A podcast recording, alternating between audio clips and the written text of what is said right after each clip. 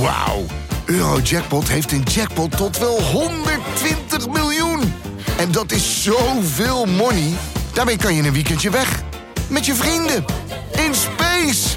Koop je lot in de winkel of op eurojackpot.nl. Eurojackpot. Een spel van Nederlandse Loterij. Speelbewust 18+. Plus. hardlopers en doodlopers. En, en, en Thierry Baudet moet oppassen dat hij, dat hij niet een, een, een, een, een doodlopende hardloper wordt. Daar moet hij voor oppassen. Dit is Betrouwbare Bronnen met Jaap Jansen.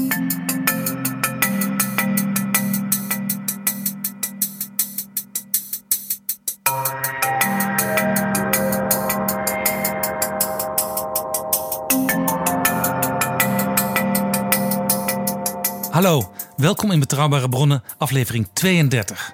Gisteren is de journalist Max van Wezel overleden. Max was een groot voorbeeld, een vriend, een mens. In de volgende Betrouwbare Bronnen praat ik met een aantal mensen die hem goed gekend hebben. In deze Betrouwbare Bronnen ontvang ik vier gasten. De eerste is oud-VVD-leider Frits Bolkestein. En met hem praat ik een uur lang over Thierry Baudet en de VVD. Nou, wil ik niet precies zeggen dat er een gelijk, gelijkenis is tussen Thierry Baudet en Hans Wiegel. Maar iets, iets, zit, iets, iets daarvan is natuurlijk wel, is natuurlijk wel reëel. Um, Baudet is, hij is jong, zoals Hans Wiegel dat was. Hij ziet er goed uit. Uh, hij kleedt zich goed. Hij heeft lef. Dat zijn allemaal aspecten die Hans Wiegel ook had. Volgens Bolkestein heeft de VVD grote steken laten vallen, waardoor de opkomst van Thierry Baudet mogelijk werd gemaakt. Voordat we nou gaan schelden op uh, Thierry Baudet, moeten we bedenken wat er in het verleden is gebeurd. Thierry Baudet is een man die, uh, voor zover ik het kan volgen, uh, die drie punten heeft in zijn koker, drie pijlen in zijn koker. In de eerste plaats de kwestie van het klimaat. In de tweede plaats de kwestie van de migranten. En in de derde plaats de uittreden uit de, uit, de, uit de Europese Unie. Met dat laatste is Bolkestein het niet eens. Thierry Baudet moet, moet, moet, moet ophouden met onzin te verkondigen. Die, die Nexit of wat dan ook, dat, daar moet hij mee ophouden, want het is, het is belachelijk. Maar verder heeft Baudet het scherp gezien, vindt Bolkestein. De VVD moet het eigen profiel weer gaan aanscherpen en ook samenwerken met het Forum voor Democratie. Overigens vindt Bolkestein niet alles wat Thierry Baudet doet wel gedaan, blijkt als ik met hem de overwinningsspeech De Uil van Minerva doorneem. Zei hij ook niet dat de laatste kans om de Europese beschaving te redden of zo? Nou, sterker nog, het is te elfde uur en we staan al op de brokstukken van de dat, beschaving. Dat is natuurlijk onzin. Ik bedoel, hoe, hoe haalt iemand het uit zijn pen om zo'n zo onzin op te schrijven? De brokstukken van de beschaving. Het is waanzin. Hoe is het mogelijk? Hij moest zich schamen. Bolkestein zag als twaalfjarige jongen Winston Churchill door Amsterdam rijden. Churchill is het onderwerp van het tweede luik van deze betrouwbare bronnen. Want tot een paar dagen geleden zag het er nog naar uit dat vandaag, 12 april 2019, dan echt de dag zou zijn dat de Britten de Europese Unie zouden verlaten. Wat zou Churchill vinden van dit hele gedoe? Ik vraag het straks, samen met PG, aan twee biografen. De Brit Andrew Roberts, die eind vorig jaar een meer dan duizend pagina's dikke biografie over hem publiceerde, en de Nederlander Felix Klos, die een boek schreef over Churchill en Europa. The world was changing after 1945, and Churchill saw that. It's it's one of the great things that about his character that he always foresaw what was going to happen uh, in the 1930s as well as in the 1940s. And I think one of the things he saw, even though he tried to hold on to the empire, hold on to the Commonwealth, is that Britain should seek a new place in the world, which would also include being a leading power in Europe. Zo denkt Felix Klos erover. Andrew Roberts schaart Churchill meer aan de kant van de Brexiteers. And what we have today is an inflexible political union, and therefore something that uh, when um, Brexiteers look at uh, the words of Winston Churchill, they're quite right to take solace from the fact that, as you said, he doesn't want to be part of a, of a um, the kind of European Union that we've got today. De biografie die Roberts schreef is boek nummer 1010 over Churchill. Maar Roberts heeft veel nieuwe bronnen kunnen raadplegen. Zo gaf Her Majesty the Queen hem toestemming de dagboeken van haar vader, George VI, te lezen. Churchill vertelde alles aan de king. Dat straks.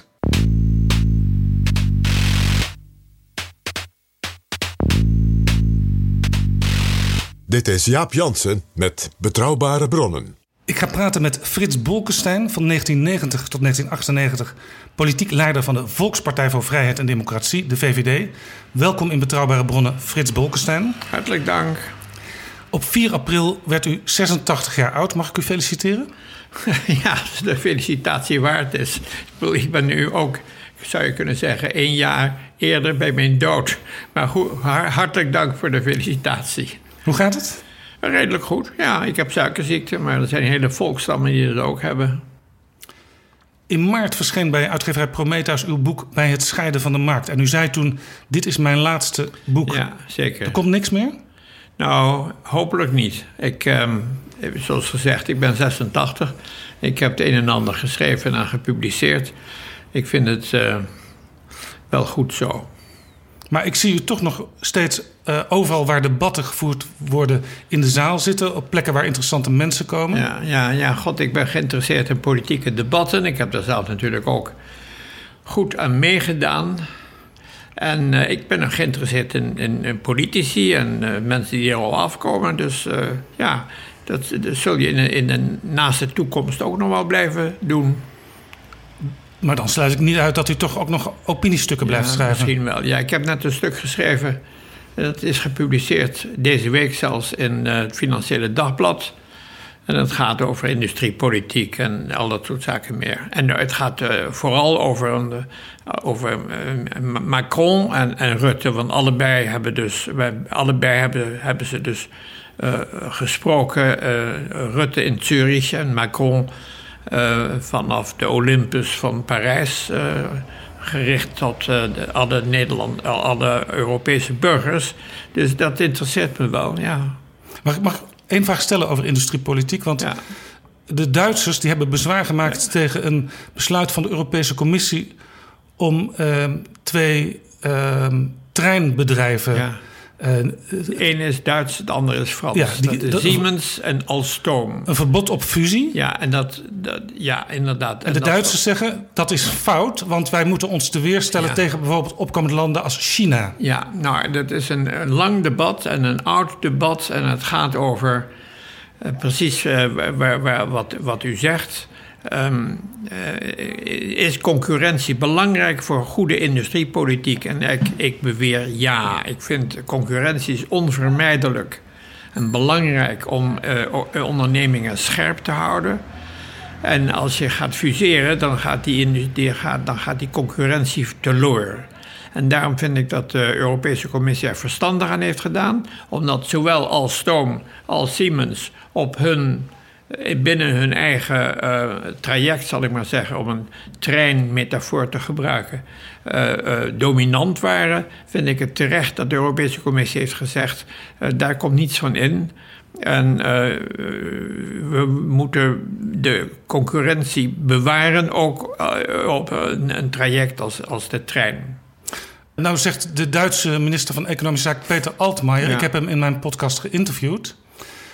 Uh, die zegt, ja, maar de Chinezen die zijn supermachtig... want daar is één uh, partij de baas, de communistische partij. Ja, dat is waar.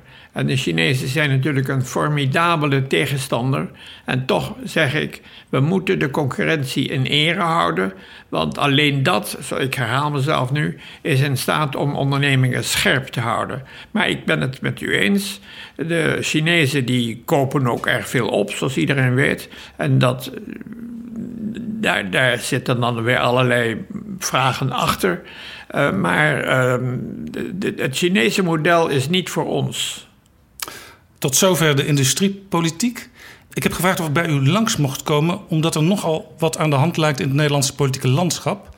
Uw partij, de VVD, is in de Eerste Kamer straks niet meer de grootste. Ja. Dat is een nieuwe partij, het Forum voor Democratie van Thierry Baudet. Wat zit hierachter? Hoe kan dit? Nou, wat zit erachter? Het is een nieuwe partij die is opgekomen en die, uh, die op dit ogenblik althans uh, zeer veel succes boekt. Dat heeft de VVD ook gedaan. Ik herinner u aan Hans Wiegel, uh, die jong zijnde, heel jong zijnde, begin 30, furoren maakte. Uh, zijn uh, belangrijkste punt was toen misbruik van de sociale zekerheid. Dat was een heel vanabel punt. En uh, toen hij begon als fractievoorzitter en als leider van, van mijn partij, toen hadden wij 30.000 leden. En toen hij eindigde, toen hadden we er 100.000. Dus hij is bepalend geweest voor mijn partij, voor het begin van mijn partij, of misschien niet begin, maar in ieder geval voor, voor, voor die tijd. En, uh, en hij, was ook, uh, hij stond ook veel mensen niet aan. veel mensen vonden hem een blaag. Die veel te hoog voor de toren blies en dat soort zaken meer. En ja, dan wordt nu ook weer gezegd van Thierry Baudet. Nou, wil ik niet precies zeggen dat er een gelijk, gelijkenis is tussen Thierry Baudet en Hans Wiegel. Maar iets, iets, zit, iets, iets daarvan is natuurlijk wel, is natuurlijk wel reëel. Um, Baudet is, hij is jong, zoals Hans Wiegel dat was. Hij ziet er goed uit. Uh, hij kleedt zich goed, hij heeft lef. Dat zijn allemaal aspecten die Hans Wiegel ook had. Dus voordat we nou gaan schelden op uh, Thierry Baudet, moeten we bedenken wat er in het verleden is gebeurd. Thierry Baudet is een man die, voor zover ik het kan volgen, die drie punten heeft in zijn koker, drie pijlen in zijn koker. In de eerste plaats de kwestie van het klimaat. In de tweede plaats de kwestie van de migranten. En in de derde plaats uh, de uittreden uit de, uit, de, uit de Europese Unie. Dat laatste heeft hij, geloof ik, ingetrokken, want het was ook een onzinnig. Uh, uh, idee, onzinnig voorstel. Je hoeft alleen maar naar Engeland te kijken om dat te zien. Ja, het woord Nexit gebruikt Thierry Baudet niet meer. Hij zegt nu: ik wil een beslissend referendum hierover. Ja, daar ben ik tegen. Uh, ik ben tegen referenda. Het is ook een oud-liberaal uh, standpunt. Ik zelf ben een liberale politicus. En ik, ik, ben tegen, en, mijn, en de, hele liberale filosofie is, is gericht tegen directe democratie. En is voorstander van representatieve democratie. Dus ik, ik deel die mening niet. Uh, je kunt alleen maar ellende verwachten van referenda. Dus daar vind ik dat uh, Thierry Baudet totaal de, de, de, essentie van de, van de politiek mist. En dat hij nu het woord nexit vrijwel niet meer in de mond neemt, betekent dat dat hij nu een echte politicus aan het worden is? Nou, dat, dat is hij niet meer en niet minder dan toen hij dat wel in de mond nam. Maar in ieder geval, uh, ziet hij in dat Nexit of Nexus, hoe het heten mag, uh, uittreden de Sovjet, uit Sovjet-Unie. uit de Europese Unie? Uit de Europese Unie. Nou ja, dat, dat, dat, dat is wel eens het verwijt uit kringen van Thierry Baudet... dat de Europese Unie een soort Sovjet-Unie is. Ja, uh, ja, nee, dat is onzin. Ik bedoel, de Alles wordt vanuit Brussel geregeld, zeggen ze. Ja, maar ze zitten er zelf bij. Ik we hebben dus uh, lidstaten die, lid zijn, die onderdeel zijn van de Europese Unie. En die lidstaten en, en het Euro, Europarlement ook. En die, die vergaderen mede over wat er moet gebeuren. En wie dat niet, niet goed vindt, niet leuk vindt, dan, dan, die moet zich dan daartegen verheffen. En dat gebeurde niet in de Sovjet-Unie. In de Sovjet-Unie was het stikken of slikken. Dat is niet zo in, de, bij de Europese Unie. U vergelijkt de opkomst van Thierry Baudet met de groei van de VVD ja. onder Hans Wiegel. Ja. Maar dat is nogal wat, want de VVD is een, ja, een grote uh, volkspartij die al heel lang bestaat. Ja. Dit is een nieuwe partij met nog maar twee zetels in de Tweede Kamer. Ja. Misschien straks dertien in de Eerste Kamer. Ja. Betekent, zou dit kunnen betekenen dat de plaats van de VVD ook wordt ingenomen door zo'n nieuwe partij? Nou, uh, dat dreigt natuurlijk altijd. Um, um, maar dat verwacht ik niet. De VVD is uh, tamelijk stevig, uh, zit stevig in elkaar. En uh, om allerlei redenen mag ik niet verwachten dat uh, onze plaats zou worden inge ingenomen door, door Thierry Baudet. Maar het is wel waar, iedere nieuwe partij geeft concurrentie aan alle bestaande partijen. Ja, zo is het nou eenmaal. En uh, wat dat betreft heeft Thierry Baudet natuurlijk bepaalde voordelen die wij in de tijd ook hadden. En die wij moeten koesteren uh, om niet uh, verdrongen te worden van het politieke schouwspel door die partij van Thierry Baudet. U noemt drie onderwerpen waarop Thierry Baudet volgens u groot is geworden: het klimaat, ja, immigratie ja. en Europa. Ja. Dat zijn ook drie typische onderwerpen waar de VVD op heeft gescoord. Ja, ja, zeker, dat is waar. En dat geeft ook aan dat de concurrentie eh, van Thierry Baudet... dat we die serieus moeten nemen. Wat betreft uh, het klimaat herinner ik u aan het feit... dat uh, de fractievoorzitter van de VVD... Um, Klaas Dijkhoff. Klaas Dijkhoff dat hij niet lang geleden kritische opmerkingen heeft gemaakt in, ik geloof, de Telegraaf. Uh, dat is, uh, en dat heeft ook een heel debat veroorzaakt. Ja, hij noemde bijvoorbeeld uh, Jesse Klaver van GroenLinks en Rob Jette van D66 klimaatdrammers. Ja, nou ja, goed, dat is een beeldspraak. Uh, dat laat ik dan voor, voor rekening van, van, van Dijkhoff. Uh, maar het betekent wel dat wij daarmee bezig zijn, laat ik het zo maar formuleren. En uh, of dat nu op de een of de andere wijze gebeurt, dat is dan, dan vers 2. Ja, Dijkhoff waarschuwde dat het allemaal niet te duur moet ja, worden nou voor ja. de gewone Nederlander. Ja, nou ja, terecht. Ik ga u even iets laten zien.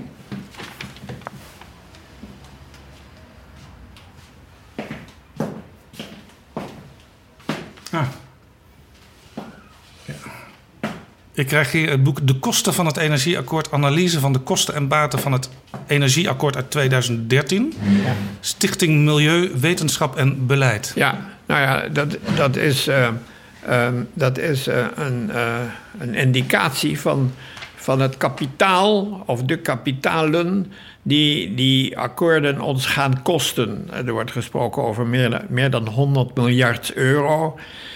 Dus het is een zeer relevant en belangrijk onderwerp. Wat gaat die, um, die, die, um, ja. die, die, die strijd om het klimaat ons kosten? En ik moet daar eerlijkheidshalve bij, bij vermelden dat ik zelf ook een klimaatskepticus ben. Ik weet niet of het allemaal komt door CO2. Dat is wat iedereen zegt, maar is het ook zo? Zou het niet zo zijn als 95% van de wetenschappers en ook al die landen die het akkoord van Parijs hebben getekend, ja. zeggen wij moeten hier iets aan doen, dat er iets aan de hand is? Nou, ik weet het nog niet. Um, ik ben nooit bang geweest om alleen te staan. Ik vind dat Nederland ook niet bang moet zijn om alleen te staan. En er zijn te veel verstandige mensen die vraagtekens zetten bij de opvatting dat het allemaal komt door het CO2. Ik vind dat zelf ook niet overtuigend hoor. Dit is wat men zou noemen een monocausale verklaring. Eén, een verklaring voor één, één, één uh, oorzaak. En dat is bijna nooit waar. En het klimaat is mijns inziens veel te ingewikkeld om het toe te schrijven aan één oorzaak, namelijk CO2. Thierry Baudet noemt het klimaatbeleid een nieuwe religie. Nou, daar heeft hij wel een beetje gelijk in. Ik, zeg, ik heb zelf gezegd, het is een kerk. Nou ja, dat is een beetje hetzelfde, het, eh, hetzelfde onderwerp of hetzelfde beeld. Het is, het is inderdaad, er valt ook bijna geen. Um, er valt ook bijna geen discussie meer over te voeren. Uh, iemand als Hans Laboom, die, die jaren en jaren bezig is geweest op het thema van, van het klimaat, die leidt daar ook onder. En het is ook wel voorgekomen dat mensen worden weggedrukt uit het openbare debat, omdat men uh, niet van mening is dat, dat, dat, dat, dat, dat, dat, dat het klimaat, uh, dat, dat, dat hele debat eigenlijk een soort kerk is geworden. Dat is het wel. Maar hoe verklaart u dan dat premier Mark Rutte van de VVD, ja, ja. minister Erik Wiebes van de VVD, maar ook bijvoorbeeld VNO-NCW toch serieus met dit onderwerp bezig zijn. Ja, dat is heel goed. Ja, het is ook een belangrijk onderwerp. Uh, kort geleden was het kwestie van de Noordpool op de televisie. En, en, dus het is een serieus onderwerp. Maar dan, je moet altijd de tegenstem of de, de, de, je moet altijd de tegenstanders aan het woord laten. En ik zelf ben, ik ben geen tegenstander, maar ik ben sceptisch. Ik geloof niet dat die klimaatkwestie uh, uh, neerkomt op één, één oorzaak, namelijk het CO2. Daar geloof ik niet in. Thierry Baudet zegt overigens: er is helemaal niks aan de hand, want het is in, op aarde altijd uh, warmer of kouder geworden in bepaalde perioden. Ja, daar heeft hij gelijk in. Alleen zijn die periodes vaak heel lang en dan gaat dus de verandering heel langzaam. dus dat Dat, dat, uh, dat, dat erken ik. Maar als je leest wat er gebeurt met het uh, Barrier Reef rondom Australië, niet rondom aan de, aan de, aan ene kant van Australië, dat dat nu kapot gaat vanwege het warmere zeewater, ja, dan, dan, dan is er wel iets aan de hand. Alleen is de mens daarvan de oorzaak. U zei net uit dat interview destijds met Klaas Dijkhoff in de Telegraaf bleek dat hij bezorgd is uh, over de kosten voor de gewone Nederlander als je Ja. te snel bepaalde Ja. ingrepen doorvoert. Er is kritiek op Dijkhoff. Uh, bijvoorbeeld Jan van Heukelum, u kent hem, hij is oud Eerste Kamerlid van de VVD. Hij zei deze week in het Algemeen Dagblad. Dijkhoff heeft grote kritiek op klimaatingrepen, maar een paar weken later gaat hij met die klimaatdrammers in zee. Leg dat dan uit. Ja. Ja, ik hoef dat niet uit te leggen, want ik, ik heb het niet gezegd. dus Maar u bent het moet- met Van Heukelum eens. Dijkhoff heeft dat niet voldoende duidelijk gemaakt waarom hij die draai heeft Nou, gemaakt. blijkbaar ja. Blijkbaar een draai. Ik heeft hij een draai gemaakt? Ja, god, ik weet het niet hoor. Ik volg het, ik volg het niet allemaal zo precies. Eh, en, en, en Dijkhoff heeft eh, misschien ook op andere punten eh, niet, niet, niet, zo, niet zoveel gelijk. Maar, maar ja, de- ik ben Dijkhoff niet, dus dan moet hij zijn uw uw vragen richten. Of Van Heukelum moet zijn vragen richten, zijn opmerkingen, zijn kritiek richten. Daar waar, waar, waar die kritiek noodzakelijk is, namelijk bij Dijkhoff zelf. Wat heel interessant is, uit op- opinieonderzoek van een vandaag blijkt dat heel veel VVD-kiezers, Ja. of mensen die potentieel op de VVD stemmen, vinden dat de partij te makkelijk meegaat in dat klimaatbeleid. Nou ja, dat, dat, dat, dat, dat vind ik ook. Eh, Want zoals net gezegd, ik ben een klimaatskepticus. Ik moet het allemaal nog zien. Er zijn vo- voldoende verstandige mensen die ook vinden dat CO2 niet de boosdoener is eh, waar, waar men eh, die, die molecuul voor houdt. Dus ik begrijp dat wel. En, en ja, omdat het, juist omdat het een kerk is, zoals ik dan zeg, u heeft een andere beeldspraak. Juist omdat het een kerk is, is het verdomd moeilijk met die mensen te praten. En, ik ben dan een, een ketter en de anderen zijn dat ook. Hans Laboom is ook een ketter. En ehm, ja, met, met, met de, dialoog tussen ketters en gelovigen is, is niet zo makkelijk. Nelly Kroes, zij is geen ketter, maar zij zegt wel... De kiezer heeft gezegd, het ging om ons, over ons en voor ons... maar jullie, VVD, hebben niet met ons gepraat als het gaat over het klimaat. En zij adviseert Mark Rutte... Mark, neem een voorbeeld aan Macron. Ga een nationaal debat voeren, ga het land in, leg het uit. Ja, nationaal debat. Dat, vroeger heette dat de brede maatschappelijke discussie, de BMD. En dat ging over kernenergie. Overigens, bij dat hele klimaatdebat speelt kernenergie geen enkele rol. En dat is belachelijk. Want als er nou iets is wat geen CO2 veroorzaakt, als je nou toch over CO2 praat, dat is het kernenergie. Daar wil niemand iets over zeggen. En ook Mark Rutte niet. Dus ik vind dat wel jammer. Mark Rutte heeft die mooie toespraak gehouden in Zurich. Die eindigde met opmerkingen over, over, over energie. Geen kernenergie. Als ik, het aan dat. eh, Erik Wiebes, de minister van Energie, voorleg... dan zegt hij... elk bedrijf dat het wil... kan nu een vergunning aanvragen voor een kerncentrale... maar blijkbaar is het verdienmodel er niet. Nou, dat is een oppervlakkige opmerking, als ik het zo mag zeggen. Eh, waarom eh, zijn er geen ondernemingen die een- zo'n aanvraag indienen? Omdat zij opzien tegen eh, de politieke eh, ellende die dat met zich meebrengt. Ze zijn bang dat het misschien toch misgaat... omdat de politiek er een stokje voor steekt. Ja, ja. Ja, dat, en, en ook dat, dat, dat je opstandjes krijgt en, en, en, en groepen mensen die zich gaan verzamelen bij de bouwput waar dat ding dan gebouwd moet worden en zo. Politieke ellende waar de overheid niet tegenop kan of niet tegenop wil. Dat is de reden waarom, eh, waarom eh, ondernemingen geen in aanvraag indienen voor een kernenergiecentrale. En niet zozeer eh, dat, een kwestie van rendement. Ze zien op, ze, willen, ze hebben geen zin in politieke hoebeleboe. Het tweede punt wat u noemde... waarop Baudet nu gescoord heeft, is immigratie. Ja. Hoe staat het daarmee? Want het, het aantal mensen dat Nederland of Europa binnenkomt... is heel klein inmiddels. Ja, dat is waar. En je zou ook kunnen zeggen dat het hele debat eigenlijk een beetje stil komen te liggen, omdat, eh, ja, omdat eh, de toegang tot Europa over de Middellandse Zee eh, zeer, zeer beperkt is ge- geworden. Dat geldt ook, Dat gaat ook voor Griekenland en zo. Maar ehm, kijk, de essentie is dat de bevolkingsgroei in Afrika is zo enorm.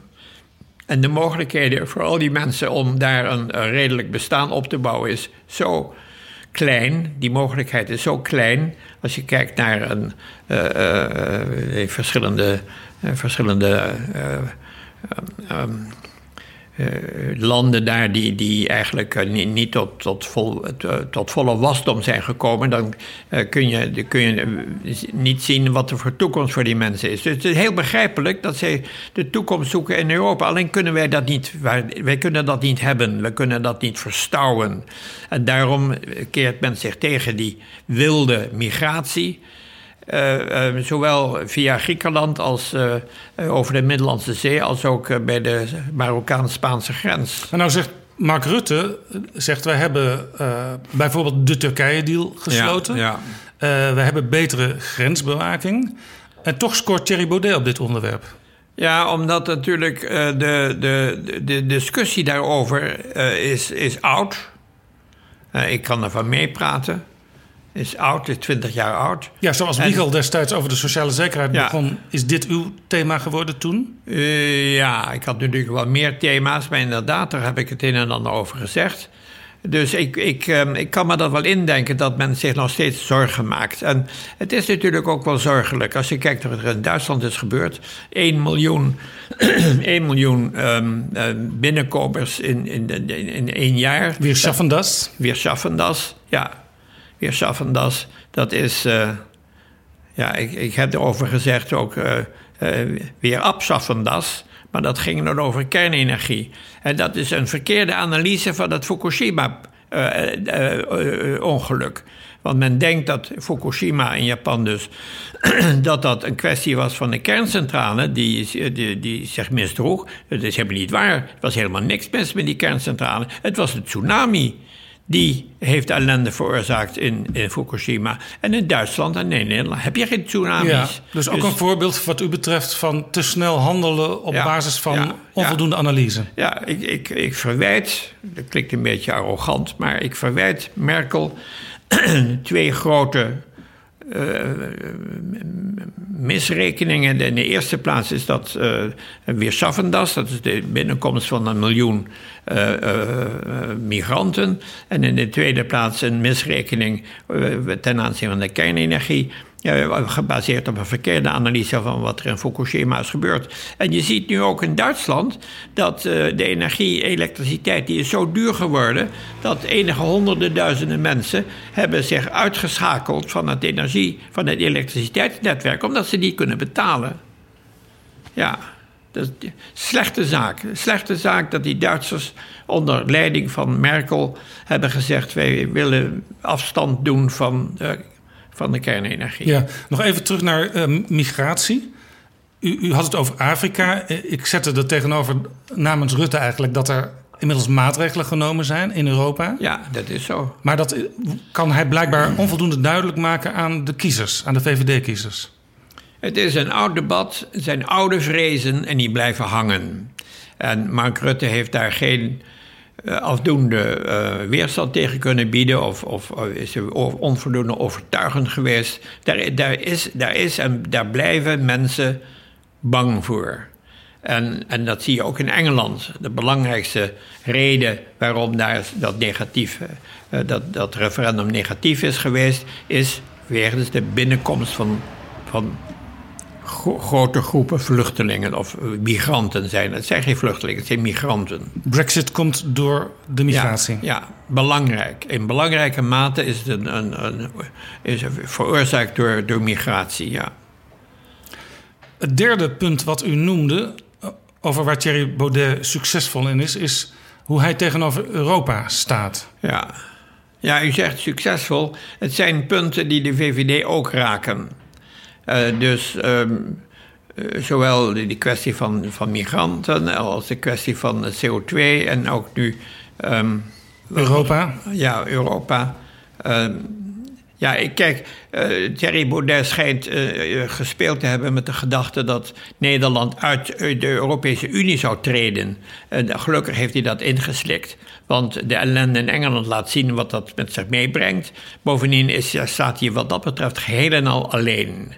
Ik ben zelf in het verleden ook wel sceptisch geweest, want ik, ik heb vijf jaar in Brussel gewerkt, dus ik weet uh, van, van de hoed en de rand. Uh, sceptisch geweest over het optreden van de Europese Commissie. Um, dus wat dat betreft zit er, is er wel, grond voor kritiek. Maar om te praten over een exit of iets dergelijks is belachelijk. Hij, hij staat niet helemaal alleen, hè? want er is nog één politicus, we hebben zijn naam nog niet genoemd, die ook voor een exit is. Dat is Geert Wilders. Ja, ja, ja. ja dat is waar. Maar dat is ook idioot, dat is ook belachelijk. Uh, overigens, het is interessant om te zien dat die aanhang van Geert Wilders afneemt. En dat zou wel eens ook te maken kunnen hebben met de opkomst van Thierry Baudet. Nou wil ik niet zeggen dat Baudet en Wilders op hetzelfde paard gokken. Maar in zekere zin appelleren ze wel aan dezelfde emotie, zal ik maar zeggen. Ja, het interessante is, dit blijkt ook uit onderzoek. Eh, Baudet neemt een deel van de PVV-kiezers over. Maar Baudet slaagt er ook in om uh, wat meer hoger opgeleide kiezers naar zich toe te trekken. En dat is eigenlijk voor het eerst. Ja. ja, dat is waar. En dat kunnen de bestaande partijen, waaronder de mijne, maar ook het CDA, kunnen zich dat aantrekken. En de Partij van de Arbeid zou zeggen, maar die is zo klein geworden dat die, ik betwijfel of die nog veel invloed ja, heeft. Ja, want u noemt VVD, CDA, Partij van de Arbeid, dat zijn alle drie partijen die, partijen. die traditioneel hoog en laag opgeleide, beter en minder goed verdienende mensen uh, bij elkaar brengen. Ja, dat is waar. Ja, dat is waar. Ja, ja, de Partij van de Arbeid werd in de tijd genoemd de Partij van de doctorandussen. Misschien een onaardige opmerking, maar het was wel waar. En uh, ja, bij de VVD hebben we zowel hoog als laag opgeleid. Ja. Maar dus, Baudet breekt dus nu in, in een veel grotere kiezersgroep. Ja, ja dat is waar. Ja, maar dat is ook, uh, ik heb ook, uh, ik weet niet meer wanneer gezegd, we zijn nog niet klaar met Baudet. Ja. Ik ben benieuwd. En hij heeft nu dus Dirk-Jan Epping gevraagd om, ja. Om uh, fractievoorzitter te worden in, de, in, de, in het Europees Parlement. Ja, Dirk-Jan Epping was ooit assistent van u toen ja, u eurocommissaris was? Goed. Ja, ik ken hem heel erg goed. En hij is columnist geweest bij, eerst bij um, NRC Handelsblad, maar daar vonden ze hem te links. En toen ging hij naar uh, de Volkskrant en daar vonden ze hem te rechts. dus hij was ook... Um, hij schreef ook voor een Vlaamse krant. En dat deed hij heel goed. De standaard? Ik, de standaard. Ik heb heel veel waardering voor Dirk Jan. Ik heb onlangs nog met hem geluncht. Ik wens hem veel succes in het Europees Parlement. Maar ja, dat zal hem niet makkelijk vallen. Hij woont nu in New York. Hij komt te wonen in Den Haag. De voertaal bij, bij Huizen Epping is Russisch. Zijn vrouw is Russische. Zijn kinderen zijn uh, thuis in het Nederlands, het, het Engels en, en, het Russisch. Dus het is een, een boeiend, boeiend gezelschap. Ja, Epping heeft al eerder in het Europees Parlement gezeten voor de lijst ja. De Dekker. Oh ja, verdomd, ja. En toen, ja. toen noemde hij zichzelf eurorealist. Ja. Eigenlijk ja. redelijk dicht bij uw ja, ja, zienswijze. Zeker. Ja, dat ben ik ook. Ja, ik ben ook een eurorealist. Maar dat is wat anders dan wat eigenlijk Baudet toch nog steeds in zijn hart vindt... Nexit en een hek om Nederland zitten. Ja, maar dat is onzin. Zowel het een als het ander. En u denkt dat Epping dat niet gaat uitvoeren in het Europese nee, parlement? Wel, nee, nee, Nexit wel nee, nee, nee. De, de, de Thierry Baudet moet, moet, moet, moet, ophouden met onzin te verkondigen. Die, die Nexit of wat dan ook, dat, dat, daar moet hij mee ophouden, want het is, het is belachelijk. Dirk-Jan Epping zei afgelopen zondag in het programma van Harry Ment... ik was lid van de VVD van Bolkestein.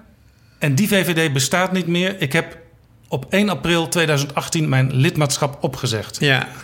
Op 1 april vorig jaar. En het was geen grap. En toen heb ik het lidmaatschap van de VVD opge opgezegd. Omdat ik met het klimaatbeleid en energietransitie zag aankomen dat het helemaal verkeerd zou gaan. En binnen de VVD kon je daar ook niet over praten. Niemand wilde daar een tegengeluid horen. Dus er werd er gewoon doorgedrukt. Toen had ik geen andere keuze dan te zeggen: ja, ik stop ermee. Ik was lid van de VVD van Bolkestein. Nou, dat heb ik altijd zeer gesteund. Uh, en die bestaat niet meer. Nu is het zo dat, uh, dat de VVD zit in de zak van GroenLinks. En dat ja, zie je ook op de cover van Elsevier. Ja. Het schoothondje van, van Klaver. Ja, het is eigenlijk wel een beetje zo. En ik denk dat er veel VVD'ers zijn uh, die dat ook vinden. En dat vind je ook terug in opiniepeiling, bij verkiezingen enzovoort. Uh, en, en Forum is daarvoor een alternatief. Want wij zijn tegen dat onbetaalbare klimaatbeleid. Ja, Bestaat de VVD van Bolkestein niet meer? Dat weet ik niet. Ik weet niet wat de, BVD, wat de VVD van Bolkestein is. De VVD bestaat, dat is volstrekt duidelijk. En ik ben er niet meer bij. Ik ben nog steeds lid van de VVD en ik ga naar de congressen en al dat soort zaken meer. En ik ben ook niet te beroerd om uh, een, een, een, klus af te wijzen als, uh, als de VVD daar, daar, dat wil. Dat wil ik allemaal wel doen. Um, maar is de VVD van Bolkestein, ja, ik weet niet hoe die eruit ziet hoor. Je zou kunnen zeggen, Baudet is een nationalist. Is Epping dat ook? Uh, nee. Is Epping een nationalist? Nee, nationalist is hij niet. Maar hij erkent wel, en dat doe ik zelf ook, het belang van grenzen. Geen grenzen, geen democratie.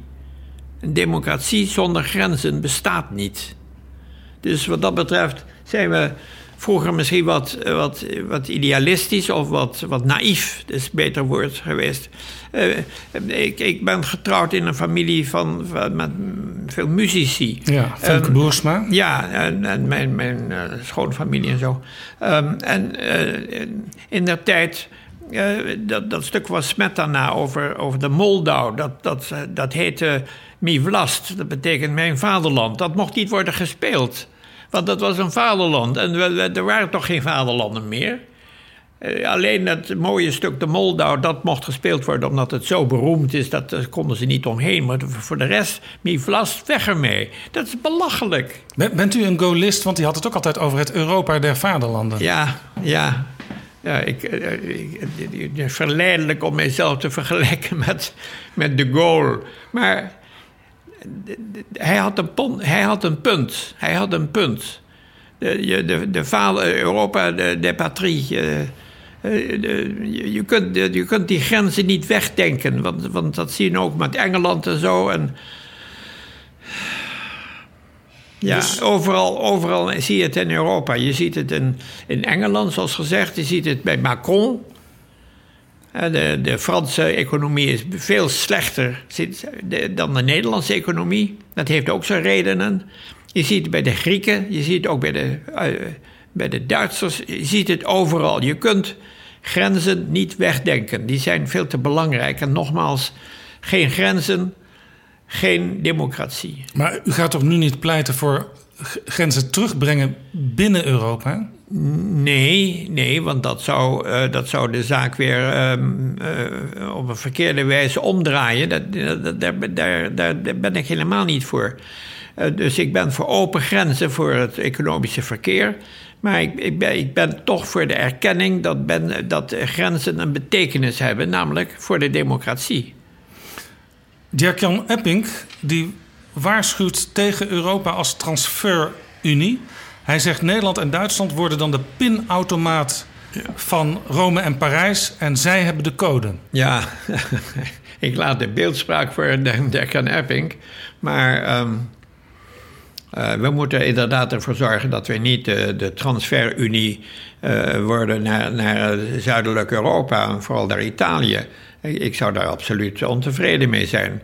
En uh, de Nederlandse regering wil dat ook niet. Nee, Wopke Hoekstra die is op dit moment een, een taai gevecht aan het voeren. Ja. Hij zegt zelfs... als er een apart eurozone-budget komt... Ja, wat tegen, de Fransen willen... dan moet Nederland een opt-out kiezen en daar niet aan meedoen. Ja, daar heeft hij gelijk in. Daar steun ik hem in. Hij maakt goede indruk, Hoekstra. En uh, de, de Fransen die, die die willen van alles en nog wat met Europa, zolang zij maar de baas zijn. En dat is niet mijn standpunt. Um, maar kan dat als je in de monetaire unie zit, kan je dan op zo'n belangrijk punt er buiten gaan staan? Dan gebeurt dat gewoon niet. Als Nederland zegt, als Nederland dreigt met, met uittreden, wat Nederland nooit zal doen, want daar hebben we het lef ook niet voor, dan, dan zal dat. Um, dan zal dat veel aandacht trekken. Want Nederland heeft een uitstekende reputatie, niet alleen hier thuis, En in Frankrijk, maar ook in Duitsland. En dat is het belangrijkste. Maar u zegt het al, Nederland zal niet uittreden, dus de Fransen halen hun schouders op. Ehm, zo is het nou ook weer niet. Uh, Nederland kan altijd nog nee stemmen en moet dat denk ik ook meer doen dan uh, tot nog toe het geval is geweest. We zijn, we zijn een van de eerste oprichters van de Europese Unie. We hebben altijd ons keurig gedragen, misschien te keurig. Uh, we moeten ervoor zorgen dat wij niet een transferunie worden.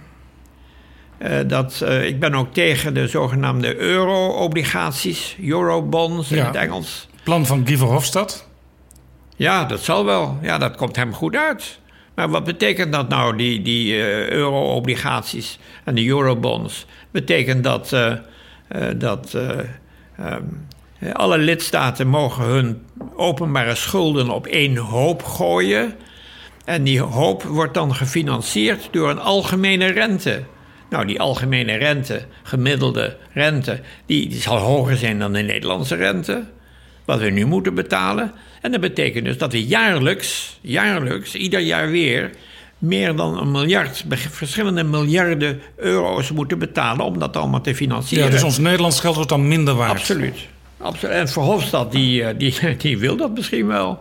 Ik ken Verhofstadt redelijk goed. Hij is een eurofederalist. Ja, dat ben ik niet. Ik ben tegen een Europese federatie. Die komt er ook nooit hoor. Maar nu Engeland eh, buiten de boot valt, wordt het gevecht moeilijker. Maar Nederland moet dan appelleren aan de, de verstandige kant van de Duitsers, want die zijn niet al, allemaal verstandig. Bijvoorbeeld aan de Zuid-Duitsers, aan de Beier, Beierse Duitsers, die zijn eh, ook heel attent op het punt van, van, eh, van eh, geen inkomensoverdracht aan Italië en dat soort zaken meer. Misschien omdat ze vlak bij Italië zitten. Winston Churchill pleitte ooit voor een federaal Europa. Zonder Europa, zonder, zonder Engeland. Ja, iedereen citeert dat, denkende hij wilde wat, de Europa wat wij nu hebben. Dat is niet waar. Hij zei: Londen moet het centrum zijn tussen drie kringen: de Commonwealth, het gemene best, de band met Amerika, ten tweede, en ten derde, de band met Europa. Maar zonder Europees lidmaatschap van de Europese Unie. Ik ga straks in dezezelfde podcast praten met twee Churchill-biografen, namelijk Ja. Andrew Roberts en eh, Felix Klos. Die laatste heeft een boek geschreven over Churchill en Europa. Staat hier in de kast. En die gaan het hierover hebben. En die zijn het ook niet met elkaar hierover eens. U staat meer aan de kant van Andrew Roberts, kan ik alvast verklappen. Ik ken de man niet, ik voel me vereerd, niettemin. U heeft Churchill gezien in Ja, 1946. ja dat was een eh, geweldig ogenblik. Ehm, een vriend van mij en ik, we waren toen in de eerste klas van, de- van het gymnasium. September, eh, of augustus, september 1945. Die vriend was Thijs Ornstein, de Thijs vader Ornstein. van Leonard Ja, ja, Ornstein, ja, journalist. inderdaad, Ja, ja, ja, inderdaad, je heeft gelijk. Ja, Thijs Ornstein, mijn oudste vriend. En wij hoorden dus dat hij eh, in een open auto zou, zou rijden langs het eh, Stedelijk Museum. Dus wij er naartoe. En we stonden op de, op de stoep, stoepen, de trappen van het Stedelijk Museum. En dan kwam hij langs met V-teken en al. En ik vond het toch wel een geweldig ogenblik, moet ik zeggen. Het was ook een geweldige oorlogsleider. Eh, leider. Eh, je kunt, hij heeft natuurlijk ook fouten gemaakt. En dat hoef je ook niet te verdoezelen. Die hele kwestie in, in, in de Dardanellen, dat was, eh, was een tragische fout. Waar heel veel troepen uit de, uit de Commonwealth vooral eh, zijn, zijn onder, eh, omgekomen. Een tweede fout is eh, vasthouden aan de, de. Zo waren er meer fouten. Maar als oorlogsleider was hij on, on, eh, onovertroffen.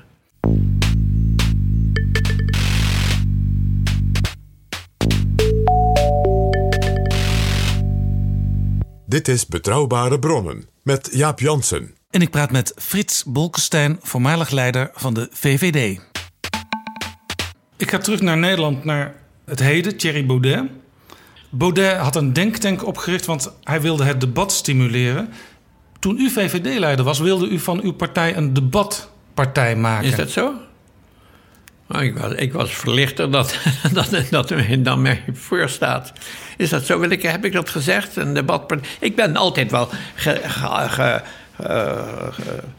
debatgezind geweest. Ik vind debatteren is belangrijk en is ook niet zo makkelijk. En je hebt er nog wat dingen voor nodig om dat goed te doen. Sterker nog, in uw tijd, uh, ik was journalist op het Binnenhof. Uh, ik liep daar rond en ik hoorde ook wel eens van VVD'ers... ja, Frits heeft weer iets gezegd. Hij wil weer zo graag debat. nee, ik weet niet wat ik gezegd heb. Het is wel waar dat ik soms buiten de Kamer dingen zei... die dan binnen de Kamer weer leiden tot... Uh, tot, uh, tot uh, opstootjes en zo. En, bijvoorbeeld de kwestie van um, Srebrenica. ik ik heb niet over Srebrenica zelf gesproken. Ik heb alleen gezegd: het wordt Nederlands tijd om op te krassen en te zorgen voor een goede vervanger. Dat zei ik veertien dagen voordat de ellende begon. Ja, en toen was het te laat. Toen was het te laat, ja. ja. Dus vandaar dat een van mijn boeken heet ook... Um, Cassandra, Cassandra tegen Willendank. Tegen, Cassandra tegen Willendank, precies, zo was het. Ja. U vergeleek straks uh, in het gesprek Thierry Baudet met de jonge Hans Wiegel. Ja. Uh, misschien kan ik Thierry Baudet ook met u vergelijken. In die zin, Thierry Baudet houdt van uh, debat. Hij doet soms dingen waarvan je je kunt afvragen... Ja, wat heeft de gemiddelde Nederlander daarmee? Ja. Bijvoorbeeld zijn overwinningsreden, die ook wel de uil van Minerva ja, wordt heb, genoemd. Ik heb het gelezen, ja. Het begon met de uil van ja, Minerva, die zijn vleugels spreidt bij het vallen van de avond. En het kwam erop neer, de Nederlanders, de kiezers zijn eindelijk wijs geworden. En ze realiseren Omdat zich... eh, hem hebben verkozen. Ja, daar komt het op neer.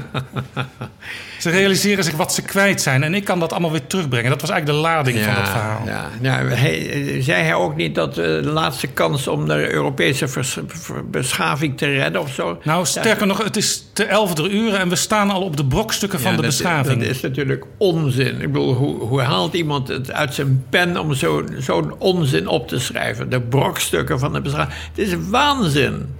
Hoe is het mogelijk? Hij moest zich schamen. Hij had het ook over onze boreale wereld. Ja. Wist u meteen wat, dat, wat hij daarmee bedoelde? Nee, nee, ik heb het begrepen uit de discussie die in de pers opvlamde. Boreale wereld. Ja, het schijnt dus te wijzen op eh, noordelijks. Nou ja, dat kan ik me indenken. Bore- Boreas, de koude noordenwind. Dus dat, maar, maar dat zou dan een raciale, een, een, een rassentheoretische achtergrond hebben. Nou ja, het, het woord noordelijk is natuurlijk neutraal. Maar juist in meer raci- racistische kringen...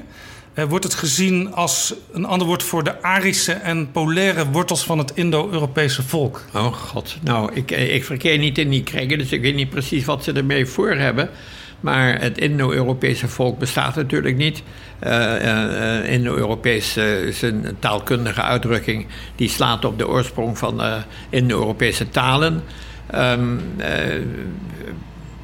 ik, ik Dus het is allemaal ik heb- flauwekul, zegt u eigenlijk. Ja, eigenlijk wel, ja. ja eigenlijk flauwekul. Als er opschudding ontstaat, dan zegt Baudet... ja, maar ik bedoelde er iets anders mee. ik Ja, bedoelde ja, noordelijk. die- die truc ken ik. Ja, waarom zou je het dan doen? Vraag ik me af. Waarom zou hij wat doen? Ja, Al die omdat- woorden gebruiken. Nou, omdat het. De, de, de, de- hij, hij is- hij heeft ook een Latijnse zin in de Kamer uitgesproken. die nog verkeerd Latijn was ook. Dan geef ik tot slot het woord aan de heer Baudet namens Forum voor Democratie. Quo usque tandem factionem cartellum et officiorum magina patientia nostra ab utitur.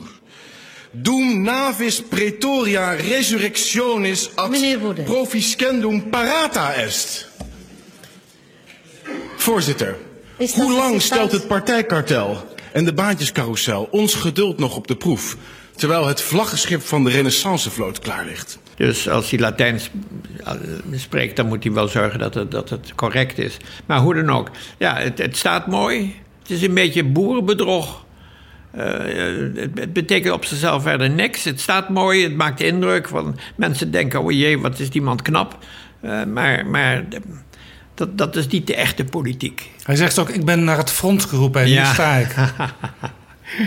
Belachelijk. Belachelijk. Front, welk front? Ik heb het wel allemaal gelezen en ik heb geërgerd aan al die punten. Maar eh, ja, ik, ik, ga daar, ik ga daar geen ophef over maken. Dat moeten andere mensen maar doen. In uw tijd, eigenlijk nog steeds, eh, stond u er ook al bekend. U, u spreekt met eigenlijk mensen uit alle politieke stromingen, Ja, alle politieke gedachten. Ja, ja. maar niet dat ik me kan herinneren dat u met mensen die echt als zeer extreem rechts te boek stonden sprak. U bent nooit bij Jean-Marie Le Pen geweest, denk Nee. ik. Nee, nee daar had ik eh, eh, absoluut geen behoefte aan. Ik vond het een onsmakelijk meneer. En die dochter van hem die probeert het dan een beetje recht te trekken, maar het blijft. Maar je hebt ook, eh, je hebt ook een trotskistische partij in Frankrijk. In Frankrijk heb je net zoveel partijen als je kazen hebt. Ehm, ik bemoei me daar niet mee. Vind, vindt u En, dat... en, en wat betreft Jan Maat. Ja, dat is toch. een, een-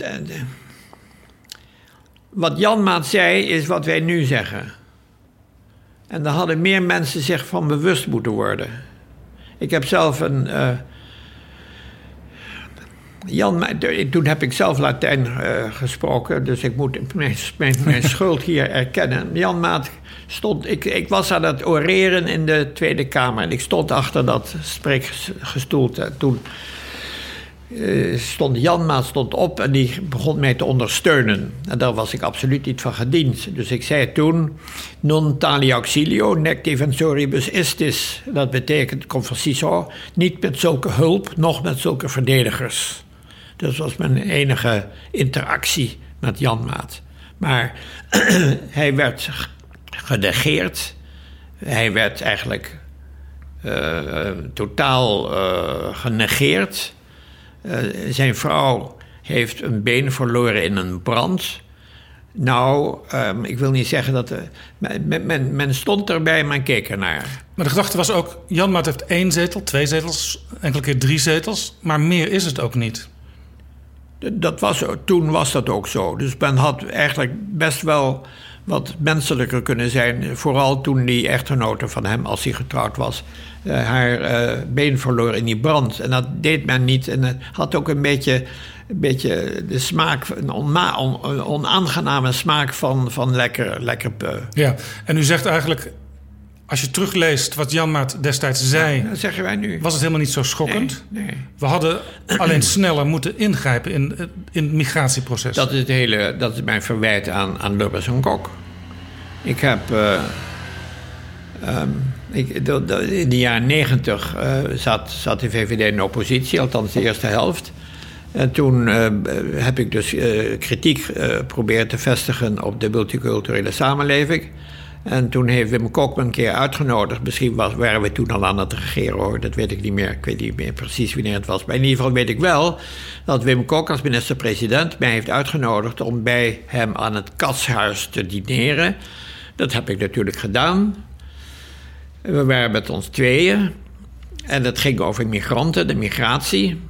En Wim Kok eh, eh, eh, vatte dat samen aan het eind van een diner door te zeggen: Jij, dat wil ik dus, jij, bent, jij vindt dat er zijn te veel en te, het gaat te snel. Het gaat te snel en dan zijn er te veel. En ik zeg: Ja, dat is juist, dat is een goede samenvatting. Maar pas op, daarna heeft Wim er niks aan gedaan.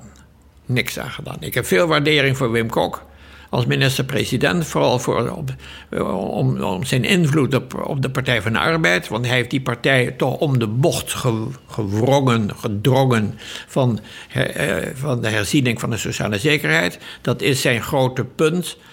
Maar Ja, want Kok heeft de partij weer wat meer Dreesiaans gemaakt. hè? Ja, en u stemde ja. vroeger op Drees. Ja, heel vroeger, voordat ik in de politiek zat. Ja, dat is waar, ja. Dat heeft hij gedaan en dat, eh, dat, dat, dat, dat, dat, dat- daar verdient hij ook alle lof voor. Want zonder zijn steun was het niet gelukt. Ik heb het zelf samen met hem gedaan. Herziening sociale zekerheid. eh, Van, van al, alle, alle, uit, alle, alle vormen van en alle voorbeelden van de sociale zekerheid. Daar heeft hij loyaal mee geholpen. Hoewel hij het natuurlijk verdomde moeilijk vond. Denk maar aan die AOW-zomer. eh, waarin hij bijna is afgetreden. Dus dat is zijn grote punt. Maar eh, die, die migranten, hij was, daar, hij, was, hij was daar niet warm voor te maken. Nee. U noemde net ook de naam Ruud Lubbers. Ja. Mag ik u een citaat voorleggen van uzelf Ja. uit 1993? Eh, Lubbers was al een beetje aan het afscheid nemen. U schreef toen een artikel en u zei... Als ik Ruud Lubbers in één enkele zin moest omschrijven, zou ik zeggen: een politicus met een uitstekende radar, maar met een gebrekkige gyroscoop. Ja. Feilloos vangt hij uit alle richtingen signalen op, maar hij mist een innerlijke overtuiging die hem op vaste koers houdt. Ja, en dat is, verwijst natuurlijk naar die Amerikaanse sociologen eh, die eh, het hadden over ehm, gyroscopen en nog, nog zo'n instrument. Radar? Radar, radar en gyroscopen, dat was het. Dat was de beeldspraak van die Amerikaanse sociologen waarvan ik de naam niet meer kan herinneren. Als u dat zegt over Lubbers, zou je dat ook niet van toepassing kunnen verklaren op Mark Rutte? Want die beroept zich er zelfs op dat hij geen visie heeft. Ja, dan moet je naar de oogarts, heeft hij gezegd. Ja. ja. Maar het, het is, het is heel begrijpelijk dat hij dit... Dat, dat geldt ook voor Lubbers. Een minister-president is zo druk bezig om brandjes te blussen... en om het schip van staat, om dat woord maar eens te gebruiken... op koers te houden... dat hij eigenlijk geen tijd meer over heeft om, om, om, om visies te organiseren. Dat moeten de fractievoorzitters doen. En dat gold voor Lubbers en dat geldt denk ik ook voor Mark Rutte. Dus dat is nu de taak van Klaas Dijkhoff bij ja, de VVD. zeker, zeker. Doet hij dat voldoende? Weet ik niet. hij heeft eh, een paar ideeën gelanceerd die niet erg eh, overtuigend waren. Maar hij is jong. Toen ik begon met mijn fractievoorzitterschap was ik ouder dan Dijkhoff nu is. Maar dat was ook moeilijk. Uh, en en uh, mijn, mijn, uh, mijn fractie stond eigenlijk maar halfhartig achter mij. Omdat ik, toen ik begon in 1990, 1 april ben ik, ben ik fractievoorzitter geworden. Ja, toen ging het allemaal niet zo makkelijk. Het ging eigenlijk pas zo na een jaar of zo kwam ik een beetje op stoom. Dus het is begrijpelijk dat mensen zeggen: wait and see. Wait and see. Maar u zegt eigenlijk ook tegen Klaas Dijkhoff: heb vertrouwen, uh, ga zo door, ontwikkel je ideeën verder, kom wel met betere ideeën dan bijvoorbeeld ja. het verdubbelen van straffen voor mensen ja, die ja, uit bepaalde wijken komen. Ja, dat is een slecht idee. En ook die, die, de, het graderen van. Bijstandsuitkeringen? Dat is ook een slecht idee. Dus uh, dat hij met ideeën komt is, is, een goede zaak. Hij moet natuurlijk wel met ideeën komen die uh, algemene aanhang kunnen vinden. En tot nog toe is dat niet het geval. Is hij ook de opvolger van Rutte? Want Rutte heeft gezegd: ik ga niet naar Europa. Ik blijf nog een tijdje. Ja. Maar ja, op een gegeven moment is het toch klaar voor een minister-president? Dat is waar. Uh, of hij niet naar Europa gaat, valt nog te bezien. Uh, ik heb zelf gevraagd of hij geïnteresseerd zou zijn om voorzitter van de commissie te worden, president van de commissie. Want dat is echt een belangrijke functie. Waarop hij zei dat hij dat niet wilde, want uh, te veel uh, gedoe en zo en, en details. maar er is ook de functie van, van de Pool, van Tusk. en dat is een andere functie, misschien wel zo interessant. En er zijn natuurlijk ook in andere internationale banen. Ja. Lubbers heeft ze willen. willen willen, uh, Lubbers heeft eerst geprobeerd om uh, voorzitter van de commissie te worden. Dat stuitte op een Duits niet. En toen dacht hij de NAVO, en dat stuitte op een Amerikaans niet. Nou ja. Europa is Mark Rutte beter gezind, lijkt het. Uh, ik denk dat, dat, uh, dat Mark Rutte een uitstekende pers krijgt in Europa. Samen met Merkel is hij de oudst zittende minister-president. Ja, en Merkel uh, is ook een fan van Rutte. Ja. Macron heeft Rutte ook een redelijk goede band ja, mee. Ja, ja dat zou, het zou ook heel goed zijn, maar dan hoop ik dat hij toch president van de commissie wordt. Want dat is de denktank en dat is de Fons et Origo, neem me niet kwalijk voor het Latijn. Dat is de, de, de oorsprong waar het allemaal moet beginnen. Ja, Rutte zelf heeft ook wel eens gezegd... als ik de baan van Tusk zou nemen... dan ben ik dinsdagochtend voor de lunch klaar. Ja, ja er zit wel iets in. Nou ja, maar hij moet nu, nu natuurlijk wel erg hard werken. Dus uh, misschien is het ook wel verstandig dat hij een paar jaar een beetje aftaait. Wie in ieder geval ambitie heeft om Juncker op te volgen is Ja. Frans Timmermans. Moet hij wel van partij veranderen? Dat gaat nooit lukken met Partij Nee. van de Arbeid. Nee. Die partij is ook zo zwak. Nee, het lukt niet.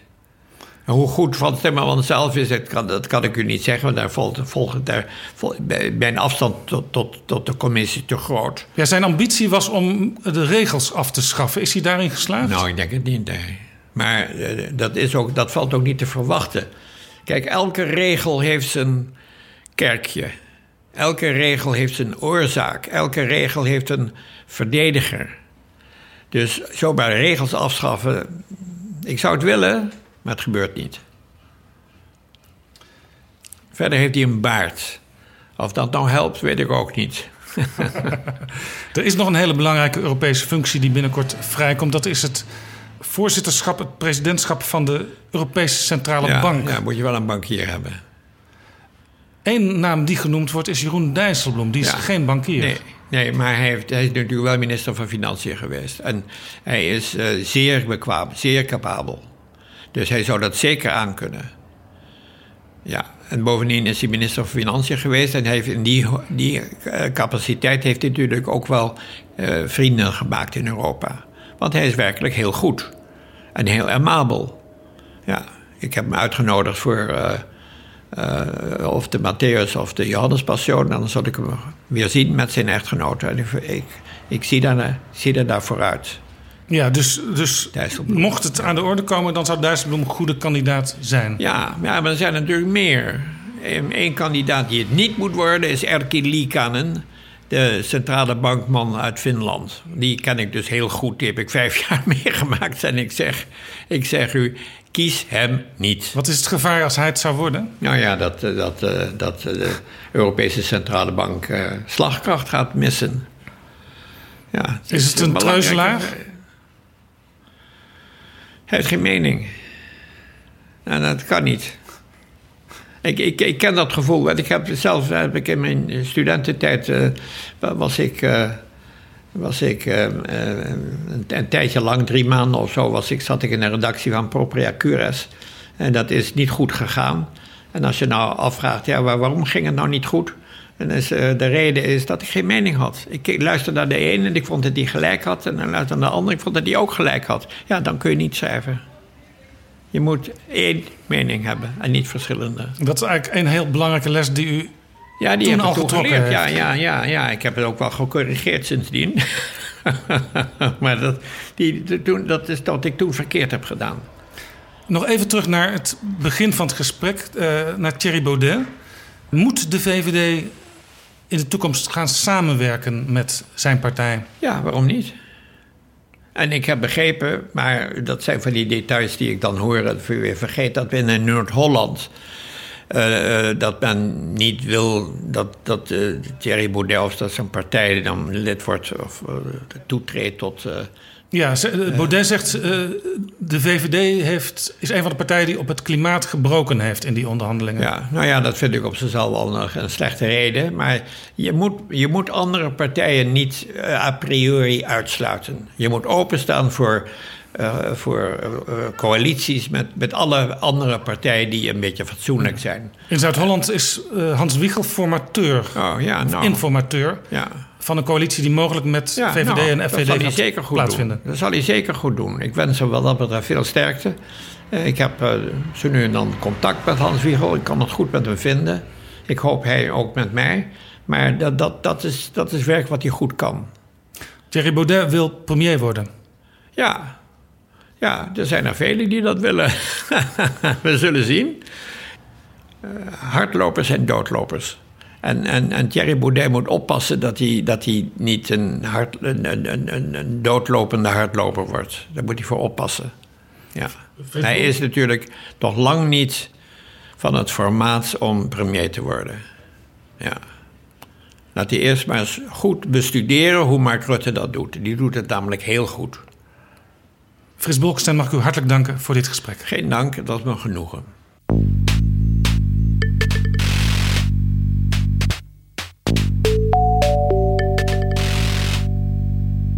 Jaap Jansen en Pieter Gerrit Kroeger duiken in de politieke geschiedenis. I hate Brexit from every angle, but it is a, fact that it is the outcome of a democratic uh, referendum. Um, and uh, now we have to see whether we can can give a context to it and and lead it in such a way that, that it is possible to keep this connection to the internal market, the customs union, and therefore limit the economic impact, which it will undoubtedly have. You will, you will, as a country, more than you expect now, be hit by this Brexit uh, thing. I hope, I dream even, uh, that there might be some sort of connection in the future with the European internal market, with the customs union. I hope there might be some room to, to think again about the Brexit process to prevent a over the cliff scenario, a, a no deal scenario, which I think will be uh, have a big impact on the UK economy, but also on our economies, and that there is still room to discuss a situation where there is some sort of connection uh, with the internal market and the customs union. Premier Mark Rutte in juni 2017, alweer bijna twee jaar geleden. Ik ga praten over de man die door het Britse publiek gekozen is als de grootste Brit aller tijden, Sir Winston Churchill. En dat doe ik samen met PG. Dag Jaap. Mark Rutte zegt: Ik haat Brexit. En de meeste Nederlandse politici zijn dat met hem eens. Hoe dacht Churchill over Europa? Mijn gasten zijn twee historici die hier hun licht op kunnen werpen. De ene is geboren in 1963, de andere in 1992. Ik praat met ze in het Engels. PG and I are very lucky to have with us today Andrew Roberts, who only a few months ago published a book of more than 1,000 pages about the life of Churchill. Andrew Roberts is a very distinguished historian who also wrote books on Napoleon, Hitler, and World War II. Roberts is also a columnist in the Daily Telegraph, The Spectator, and other publications. Welcome, Andrew Roberts. Thank you very much indeed. Great honour to be on the show. My other guest is Felix Klos. He is assistant to the party leader of the Dutch Social Liberals, who at the moment are in government. Felix is a candidate in the European elections on the 23rd of May. But more important for this podcast, he also wrote a book on Churchill titled Churchill on Europe The Untold Story of Churchill's Project. Welcome, also, Felix Klaas. Thank you so much for having me. On the website of this podcast, you can find more information about the books. Andrew Roberts, you researched on Churchill about 30 years but you wrote your book in 100 days. How did you do this? I did this by getting up very early in the morning. Um, I started about four or four thirty in the morning and uh, worked through until lunchtime, and then I have a I drink a rather uh, horrible drink called uh, Red Bull, which keeps me up until uh, nine o'clock at night. Very un-Churchillian. Very un-Churchillian. No, absolutely. He used to have a nap every uh, afternoon, but uh, but I don't, and uh, and I was able thereby to write five thousand words a day every day for hundred days. There were already one thousand and nine books about the old man. What made you think I can shine a new light on this great man?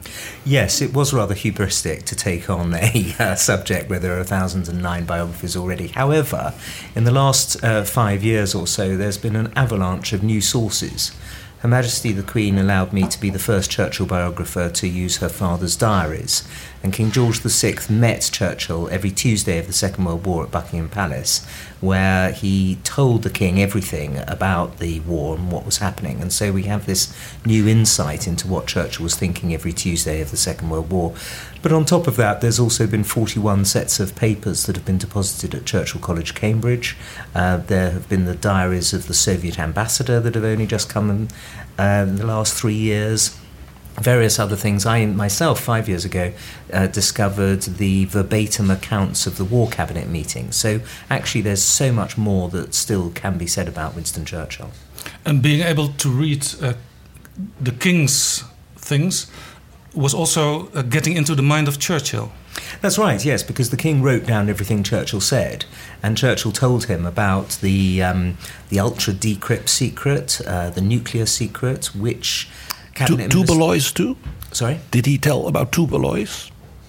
The, uh, the, the, as I say, the nuclear yeah, secret. Yeah, yeah. Yes, absolutely. Oh, really? Uh, and uh, he told him about the. Um, uh, that which generals and ministers were going to be hired and fired, which ones were, uh, which countries were going to be invaded, and when and under what circumstances. So, so we really do have this uh, very exciting new source. And I, as I say, I was the first Churchill biographer to be able to use it. What made the Queen deciding to allow you into her house?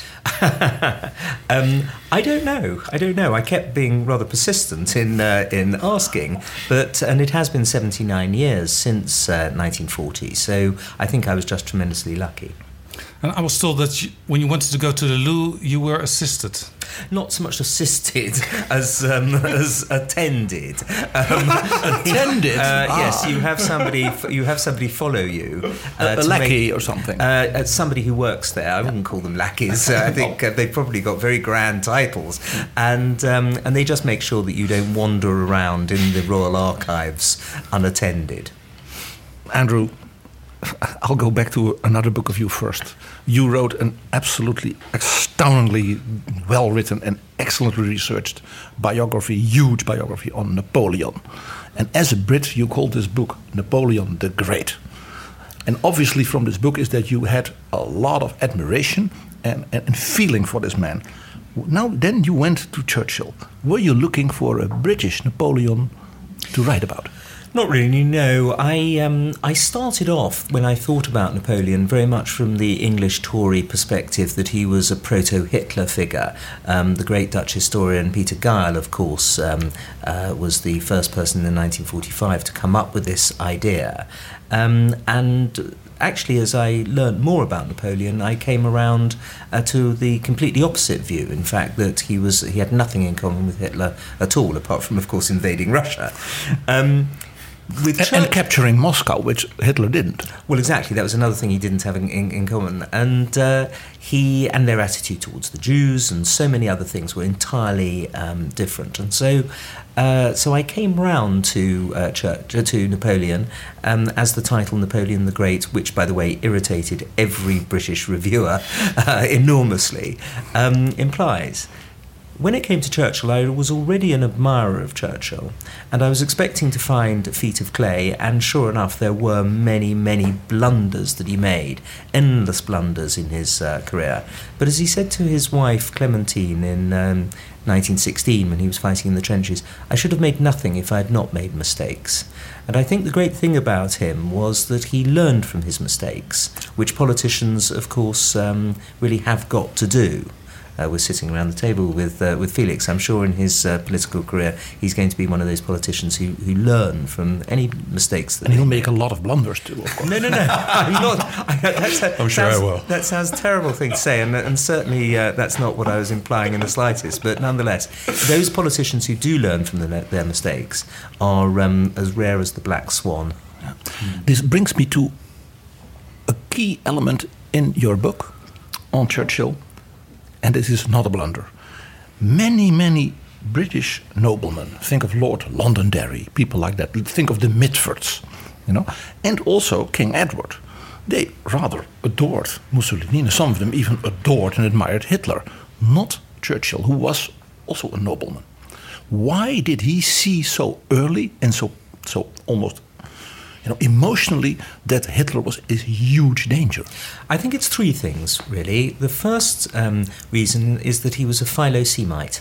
He liked Jews, he'd grown up with Jews, he'd gone on holiday with Jews, his father had liked Jews, he represented them, he admired them, he appreciated their contribution to the ethics of Western civilization. And so he had a early warning system uh, when it came to Hitler and the Nazis that was not vouchsafed to many of the other anti Semites of his age and class and, and background. Uh, the second thing was that he was an historian and he was able to put the threat that Hitler posed to the balance of power in Europe um, in its historical context, going back to uh, Philip II of Spain and the Spanish Armada, and then, of course, to the um, wars of um, the Spanish succession that his own great ancestor, John Churchill, 1st Duke of Marlborough, along with the Dutch, managed to stymie uh, those ambitions. Then on to Napoleon and the Kaiser, against whom he himself obviously fought in the trenches. And so he was able to see Hitler in that long continuum of history. And the other thing was that he had actually seen fanaticism up close in his own uh, life on the northwest frontier and in the Sudan. And he was able to, uh, in, in a way that other prime ministers never had in their lives. In the 1930s, we had prime ministers like Ramsay MacDonald and Stanley Baldwin and Neville Chamberlain, who had never seen any kind of fanaticism, be it religious or, or uh, political. And so he was able to um, see the Nazis for what they were for that as well. Churchill never met Hitler. Um, Churchill never met Hitler. They na- they came Almost, huh? They came close in 1920, um, in 1932, when uh, Churchill was researching his great biography of uh, John Churchill, first Duke of Marlborough, in uh, Munich. But Hitler decided not to meet uh, Churchill um, because he thought he was a has-been who nobody would ever have heard of again. And yet another of the many miscalculations that Hitler made. Fascinating because Hitler did go out of his way to meet the then already uh, uh, uh, the, the sort of deposed King Edward and, And- Wallace Simpson, Uh, well, and not Churchill. and David Lloyd George, and uh, ultimately Anthony Eden, and also Lord Halifax. Oh yes, and Lord Londonderry, as you mentioned earlier. Uh, no, he was um, uh, Hitler very much um, wanted to try to. Uh, to neutralise the threat of, um, of Britain by uh, bringing over the um, the establishment. I, I have there's one very interesting little thing in the book. It's a, such a big book that there are a lot of many interesting little things, including the, the, in the big thing, and that is that you almost think, thank God it didn't happen. Churchill was almost killed in New York City on the street in 1931. He was, yes. In December 1931, he was on, on Fifth Avenue crossing the road, and um, of course, being an Englishman, he looked in the wrong direction, and the uh, and a car came and uh, and hit him and very nearly killed him. Um, and left him actually with a scar down the centre of his forehead, uh, which was to grow red during uh, meetings when he used to lose his temper during the Second World War. But it was actually only the latest of a huge series of uh, close brushes with death, uh, childhood diseases. Um, he was once stabbed in the stomach when he was a, a child. He, was involved in two plane crashes, three car crashes, nearly drowned, uh, and it was involved in a house fire. I mean, it was uh, there were any number of moments when his uh, when he could have died, and as a result, he felt that um, there were, and those are just peacetime, um, close brushes with death. There were. Uh, he also fought in five um, campaigns on four continents as a younger man. And uh, so he felt that he had a special sense of destiny and that he was walking with destiny. And, um, uh, and he refers to that, of course, very much on his first day as Prime Minister when he said, I felt as if I were walking with destiny and that all my past life had been but a preparation for this hour and this trial.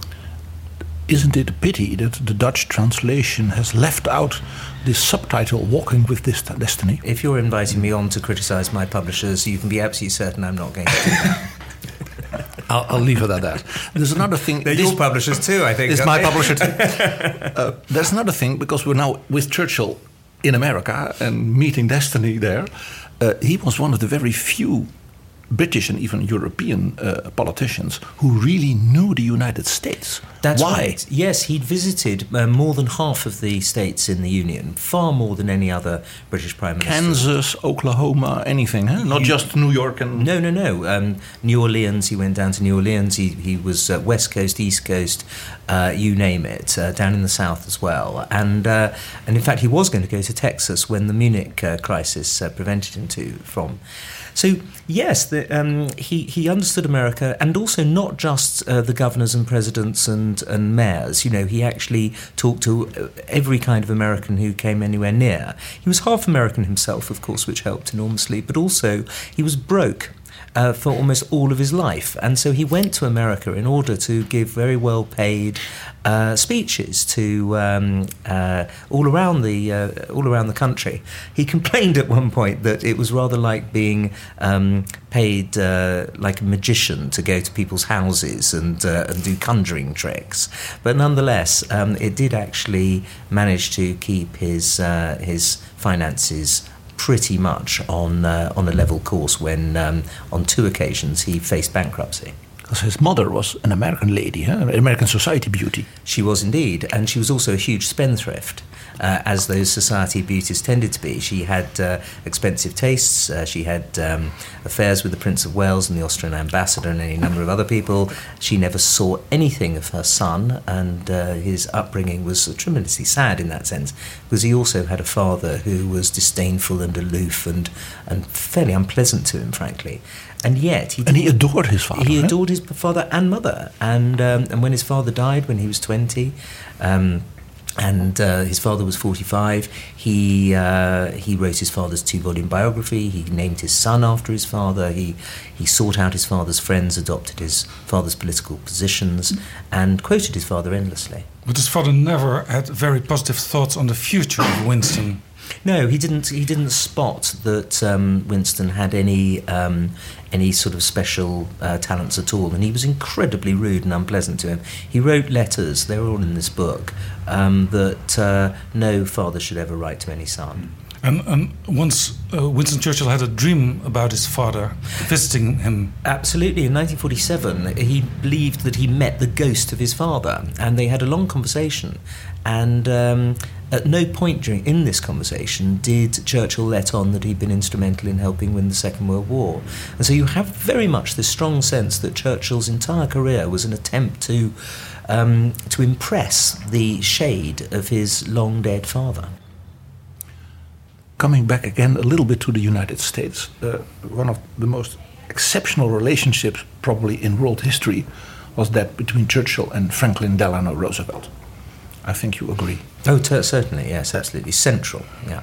Who of the two of you, if you now looking back on your book and your work, even on your book on Napoleon as an inspiration, who of the two is, was the greater diva and the greater leader?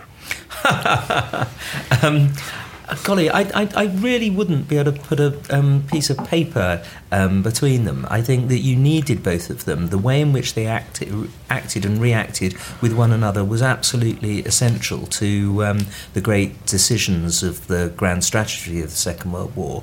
Um, but uh, ultimately, one has to remember that in the calendar year 1944, when the British produced 28,000 warplanes and the Germans and Russians produced 40,000 warplanes each, the Americans produced 98,000, so uh, almost as much as the whole of the rest of the world put together. So, um, of course, they were ultimately going to have the last say over questions like when D Day was to t- take place, who was to control it, what the grand strategy was going to be once the armies were ashore, and so on. So, um, in terms of the more influential figure in the Second World War, I think that has to be FDR. But nevertheless, Churchill was frustrated in the first part of the war of the slow movement of the FDR administration. You very much get that in the King's diaries. That's right. Um, they, they, uh, uh, he believed that the war was a, a, great struggle for civilization and democracy against the uh, most evil regime in history, and so he couldn't understand why this, the most powerful democracy in the world, was moving so incredibly slowly towards bellicosity. And uh, of course, ultimately, it was Hitler who declared war on America on the 11th of December 1941 rather than the other way around. And Churchill, of course, was much afraid that FDR would stop in 1940 as president or be uh, defeated. Yes, that's right. He was very much in favour of, um, of FDR winning. Well, actually, one of the interesting things uh, that I discovered in this book was that um, that I was surprised by was that he actually supported the Democrats in every single election of, of his life. Uh, he he never supported a Republican uh, president, even when. Uh, President Eisenhower in 1952 and again in 1956 was standing, and he was, of course, very close to President Eisenhower. And he was not a typical, let's say, American Democrat. You would more think he was more a conservative, as a Tory, uh, Republican-minded man. Well, he was. I mean, uh, Churchill was a, a, Tory Democrat all his life. He believed, and uh, although he crossed the floor of the House of Commons not once but twice, he joked that um, uh, anyone can rat but it takes a certain ingenuity to re-rat. Um, he, uh, he always thought of himself as being a Tory Democrat throughout his life. There is, there are many, many wonderful stories about uh, uh, Churchill and FDR. There is one on page 700 of your book, and I want you to simply read it to our listeners. Oh, golly, this is this is uh, okay. This is new to me. I don't know what the story is. I'm just course. putting on my glasses. Um, it starts with Churchill you, you at the end of the page the pushing Roosevelt's wheelchair. Um, until um, Churchill pushed Roosevelt in his wheelchair down to the elevator to take him to dinner, which he likened to Sir Walter Raleigh laying out his cloak for Queen Elizabeth I. They even wandered in and out of each other's bedrooms and bathrooms, and Patrick Kinner, Churchill's stenographer, witnessed a naked and unashamed Churchill joking to Roosevelt as he had his towel passed to him after a bath The Prime Minister of Great Britain has nothing to conceal from the President of the United States. I can see why you chose that. it has long been, of course, spread this story as a, prof, uh, as, a, as, as a sort of a myth. No, but no, you no, you no. found the yes, Pa- the no, source. Yes, Patrick Kinner was um, was uh, Churchill's um, uh, his uh, secretary, and um, if it's in Patrick's memoirs, it's true. There are, there are many myths that are not true, anyway. Very many, yes, absolutely. And uh, one of the interesting things about writing this book actually was to check up um, on some of them and see the ones that were true and the ones that were untrue. There's a classic one, for example, which we heard of a lot during the Iraq War, that Churchill was responsible for po- for um, wanting to use poison gas against the Iraqi tribesmen in uh, in 1920. But actually, when you go to the original source and you read the um, the memorandum that uh, Churchill wrote, he was advocating the use of lacrimatory gas, i.e., tear gas, uh, which is completely different, of course, from the um, from the phosgene gas or the mustard gas um, that uh, would actually kill you. Another thing which, of course, is legendary of Churchill is his mastery of words, his repartee, as we saw in, a, in Naked in the White House, his his jocular uh, brilliance, but also his tragic brilliance in words and his his famous speeches. What do you think is his greatest speech? Um, golly, that's a good question. Uh, I think that you've got to try and work out whether or not you want one of the great warning speeches, in which case you go to the 5th of October 1938 and his speech against the Munich Agreement, or his great morale boosting speeches, um, such as uh, the um, We Shall Never Surrender speech of the 4th of June 1940. The British Empire and the French Republic, linked together in their cause and in their need, will defend to the death their native soil, aiding each other like good comrades to the utmost of their strength. We shall go on to the end. We shall fight in France. We shall fight on the seas and oceans. We shall fight with growing confidence and growing strength in the air.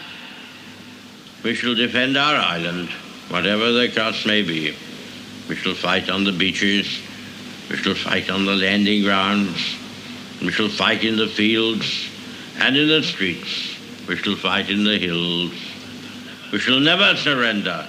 And if, which I do not for a moment believe, this island or a large part of it were subjugated and starving, then our empire beyond the seas, armed and guarded by the British fleet, would carry on the struggle until, in God's good time, the new world, with all its power and might, steps forth to the rescue and the liberation of the old.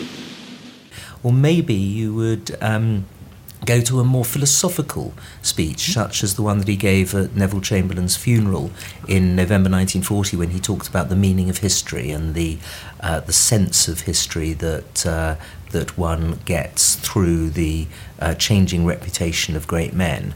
And, uh, and that's a tremendously thoughtful speech, and it also creates, in it is some of the most beautiful writing that he ever, um, he ever wrote. So I, I'd hate to actually have to choose one, I really would.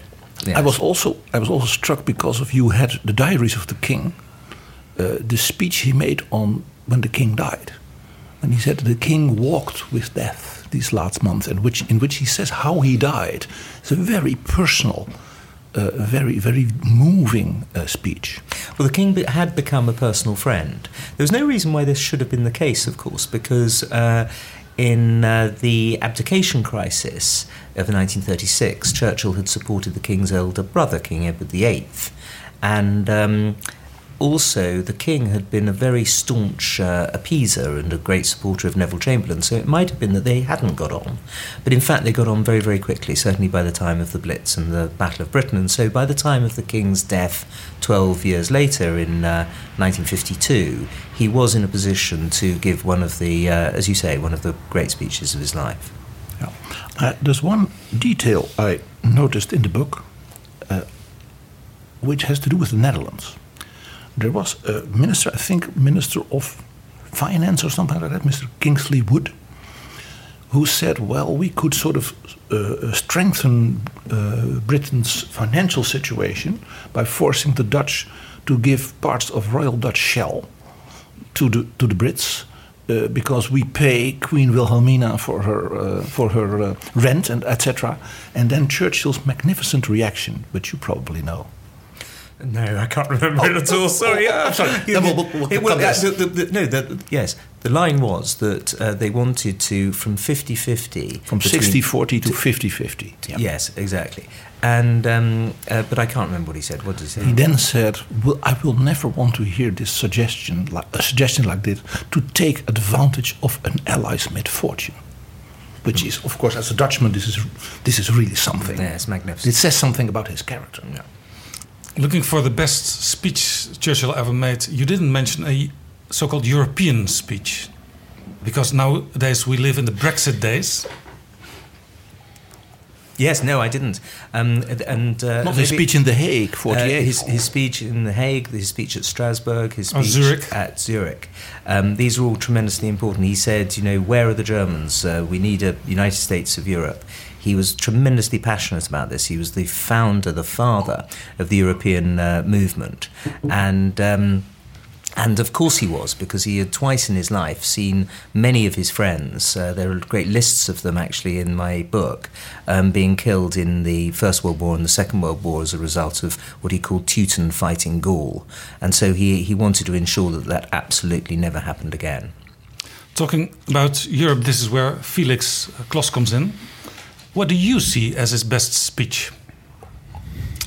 I think that's very difficult. Um, I agree with Andrew that it's hard to pick from any of the phases of his life. Um, but but I would obviously I would suggest one of his European speeches just because they're so important to what uh, uh, we have today now in Europe. And we briefly mentioned, or Andrew did. Um, uh, the American presidency of, of Eisenhower. And he said of Churchill of those days and the speeches that he gave about European unity that it would be the crowning achievement of a career crowned by achievement. and I think that's that's that's worth saying something. Yeah. And and if you have to have to, have to make a choice, what is the best speech?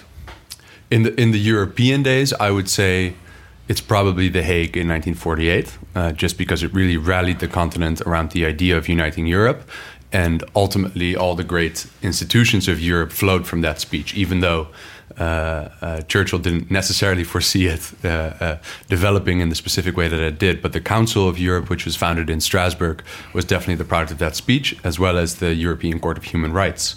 Uh, so that, that's definitely something that we're living with today. Yeah, that's the speech in the Ridderzaal, the Hall of Knights. Mm-hmm. Let's listen to part of it.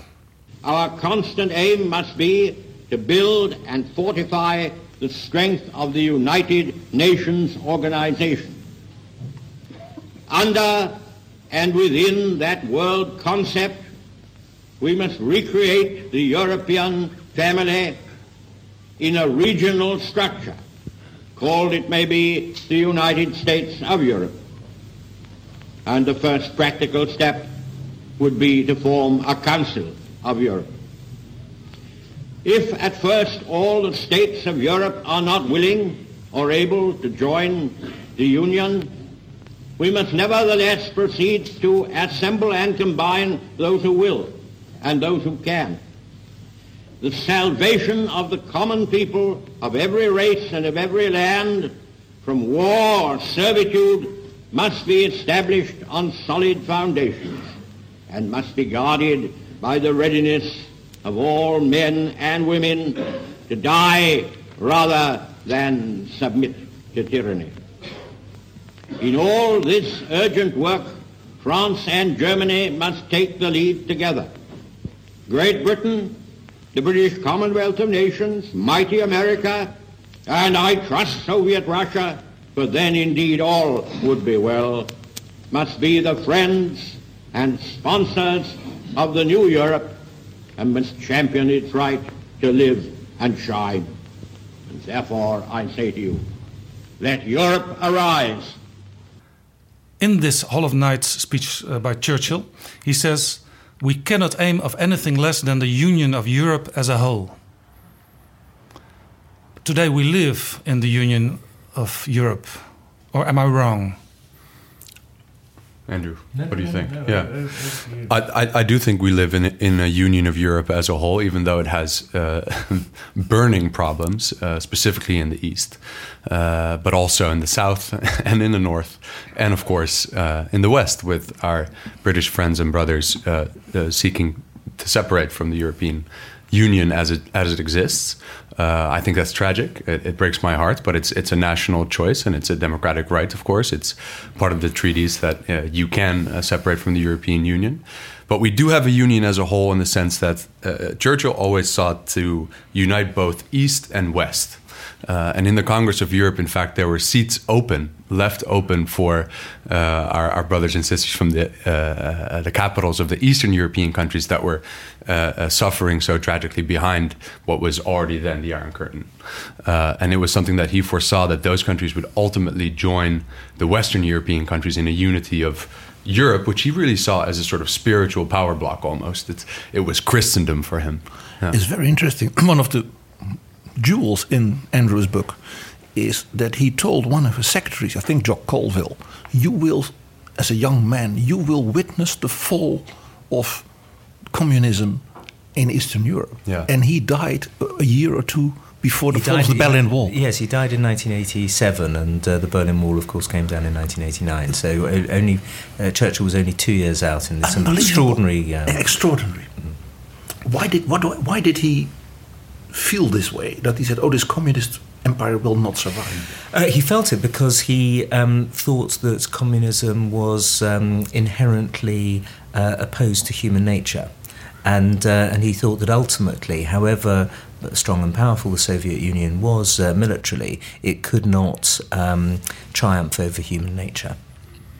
He, yeah, one of, one of his poetic interventions, and I, I, I don't know word for word, but he felt like it was a long, cold night, that ultimately the fog would be lifted and, and the human spirit would see the truth and, and break communism uh, as, as a concept, which I think is right. I mean, it's, it's one of the totalitarian uh, ideas, uh, aside from, from Nazism and communism and fascism, that Churchill really set out his life to destroy and, and ultimately did. And, um, and bravely so, because uh, when he made his great Iron Curtain speech in Fulton, Missouri, uh, in um, March 1946, it was extremely unpopular at the time. Right. He was denounced. He, uh, the House of uh, Commons had 100 um, MPs sign an early day motion about it. Immediately they heard about it. He was denounced in Congress. The uh, Truman administration distanced themselves. From Stettin in the Baltic to Trieste in the Adriatic, an iron curtain has descended across the continent. Behind that line lie all the capitals of the ancient states of Central and Eastern Europe. Warsaw, Berlin, Prague, Vienna, Budapest, Belgrade, Bucharest, and Sofia. All these famous cities and the populations around them lie in what I must call the Soviet sphere. And all are subject, in one form or another, not only to Soviet influence, but to a very high and in some cases increasing measure of control from, uh, from Moscow. This was the first time uh, the name Iron Curtain was mentioned. That's right. Yes, mm-hmm. he he um, he didn't invent the concept. It had been around since the twenties, but he was the first person to use it um, in a in a major speech, and uh, of course, as a result, it uh, caught on. He was a great phrase maker. I mean, special relationship uh, was also one of his in uh, in an earlier speech in the uh, war. But the great thing about the Iron Curtain speech was that um, even though he was lambasted and ridiculed and attacked for it. He was so called a warmonger, huh? and was denounced as being a warmonger. Of course, absolutely. Um, he and he was leader of the opposition at the time, so uh, so this was um, this was pretty serious um, political stuff. Uh, nonetheless, he only had to wait for two years for um, everything that he had said to be proved right. Felix, uh, you yourself are also a speechwriter for your party leader. Do you use techniques Churchill used in your speeches? I try, but I, I can't say that, that I'm any successful at it. Um, one of the great uh, documents that we've uncovered from Churchill's life is uh, an essay he wrote as a 23 year old called The Scaffolding of Rhetoric. And uh, in it, he sets out what he thinks a, a speechwriter should do, or really, he sets out uh, a way for himself to write his speeches. And I think the, one of the great conclusions he comes to is that you want your audience to agree with you before you tell them what you want. Uh, and so you need the sort of uh, the rhythm of language in order for your audience to come They, with you. they have to fill in They themselves. have to fill in the fill in themselves what you want, and then you tell them. Uh, It's I- an extraordinary essay. It Yeah. actually it set, sets out the theory of public speaking, Right. Um, and uh, he and he wrote it at the age of twenty three before he had given any public speeches himself. Uh, so I mean, it's usually people practice and then come up with a theory. With him, he came up with a theory, and uh, and uh, he was also very fortunate that it was never published because in one of the uh, five elements, what he calls elements of public speaking, one of them is to is deliberately to exaggerate. And if everybody knew that he was deliberately exaggerating in his public speeches, he would have been uh, ridiculed for that. Um, but he did say that that was an important aspect of um, of public speaking. Well, I was struck uh, in the book again because, uh, like Felix, I'm a, I'm, a, I'm a speechwriter for quite a number of people for decades already. And what I always did do something in speeches at a certain moment is to use three adjectives. And Churchill always used four. Yes, he hmm. but he he said that he expected everyone to use three because three is the number that Cicero used, Demosthenes used. It's always been three. All Calvinist preachers do it. And then you add one extra one, and that throws everyone and makes them listen. wonderful, wonderful idea. Well, this is his, what I said before, his, his brilliance in, let's say, his almost creative, artistic el- aspect. Especially if you use those four, if there's a onomatopoeia or if there's a, an alliteration to the four. And, um, and of course, he also had a sibilant S, uh, which came over as a sh sound. And so that made it all the more interesting for, uh, for listeners, especially if he was to use four of them in a row. He, he played with this S. There's this famous thing that he said about the left liberals who went over to the Labour Party. And he said it's a rare phenomenon of natural history, the rats swimming to the sinking ship. There you are, perfect example. Uh, talking about a sinking ship, let's talk about Europe. Oh, you're terrible. You're What do you- terrible. you mean Britain? you faragist. Dit is Betrouwbare Bronnen, een wekelijkse podcast met betrouwbare bronnen. En ik praat samen met PG met twee Churchill-biografen, Andrew Roberts en Felix Klos. Van Andrew Roberts' Churchill-biografie is net een Nederlandse vertaling uitgekomen bij Prometheus. De Engelse versie is uitgegeven bij Allen Lane, Churchill Walking with Destiny. Felix Klos concentreerde zich op Churchill en Europa in het boek Winston Churchill, Vader van Europa, uitgegeven door Hollands Diep. Het origineel heet Churchill on Europe: The Untold Story of Churchill's Project.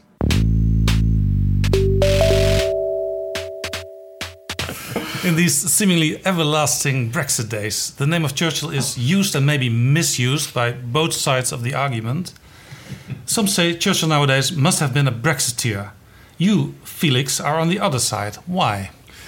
um, one sort of principle of his thinking. So I'm, I'm not going to pretend that we can take parts of his uh, of what he said from the 1940s or the 1930s or the 1950s to represent what he would have thought now. But I think we can we can sort of uh, unpick principles of his thinking of the way he saw the world.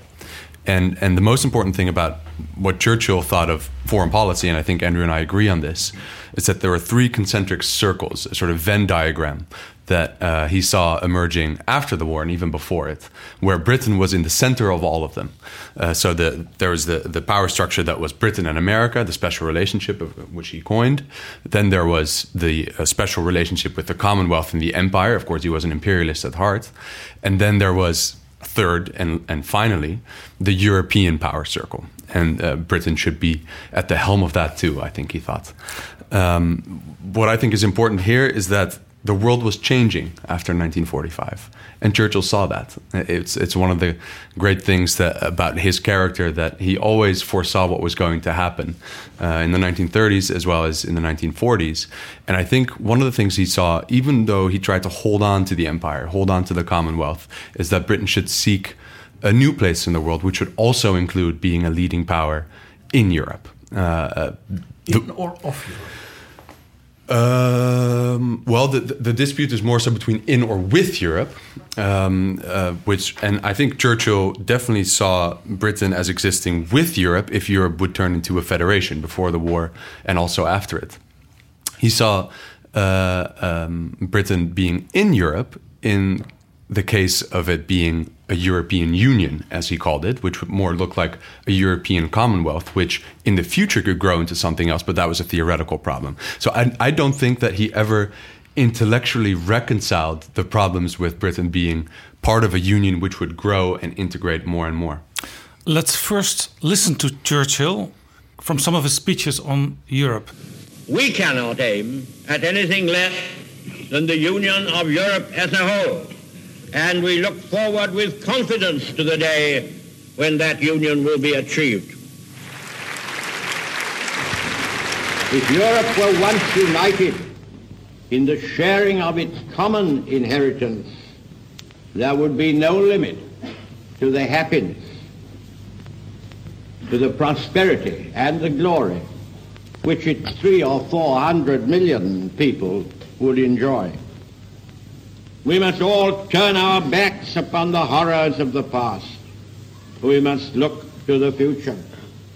We cannot afford to drag forward across the years that are to come the hatreds and revenges which have sprung from the injuries of the past.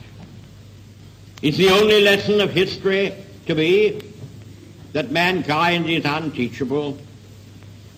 Let there be justice, mercy, and freedom. The peoples have only to will it, and all will achieve their heart's desire. Time may be short. At present, there is a breathing space. The cannons have ceased firing. The fighting has stopped, but the dangers have not stopped. If we are to form the United States of Europe, or whatever name it may take, we must begin now. It seems in those quotes, Churchill was very much into Europe, into working together, maybe working in Europe together. Andrew, you don't agree with Churchill as being a wholeheartedly European as in Europe as we know it at the moment? No, of course not, because he died 50 years ago, more than half a century ago. So the Europe that we know at the moment is profoundly different from the kind of Europe that uh, was being offered to um, join in 1961 to Britain, or indeed the one that we joined in 1973. And one has to remember that, of course, uh, Churchill was eight years dead by uh, 1973. Now, I have to preface my remarks by saying that uh, Churchill's daughter, Lady Soames, told me that one must never assume that Papa, uh, that you know what Papa would ever have thought of in, under any circumstances. However, She didn't, obviously. the she she never did that. She never did that, and uh, um, and so when one looks at his great uh, speeches and the speeches that uh, that took place in the House of Commons in the later 1940s as well, um, one has to set many of the phrases of them on one side and then look what he actually did in government because he was of course prime minister from October 1951 to April 1955 only 2 years before the treaty of Rome was signed and uh, the European um, so things were already rolling by then. Things were big things were rolling, such as the European Army, which he kept um, Britain out of, such as the Iron and Steel Confederation, which he also kept Britain out of. But He- talking about the arm, European army, he was one of the first, maybe maybe the first, uh, mentioning the term European army. Um, yes, but there was there was movement towards such a concept which he blocked, or at least he blocked Britain getting involved in. He uh, also, of course, the Iron and Steel uh, Confederation. It took iron and steel for France to fight Germany again, and so he was all in favour of France and Germany uh, coming together and putting their industries together and preventing future war by that. Uh, but he didn't want Britain to get involved in it, and you see this again and again in this uh, ministry from 51 to 55. And uh, so his actions, which are far more important than uh, the words, the wonderful words that he used in opposition, his actions in government are the thing that you ought to look to. Yeah, you, in your book, you wrote uh, only 10 pages about those European speeches. Felix uh, wrote about 400 pages on it in his book. um, why didn't you write 400 pages in your volume? because they're, Because they're not that important. Uh, because of the way that he. Um, uh, that he dealt with this. Uh, you see again and again, and I'm going to give you a, uh quotation. You don't need 400 pages. You can actually do it in one sentence here. Two, two sentences. Uh, when he said in December 1948, we are not seeking in the European movement to usurp the functions of government. I've tried to make this plain again and again to the heads of the government. We ask for a European Assembly without executive power.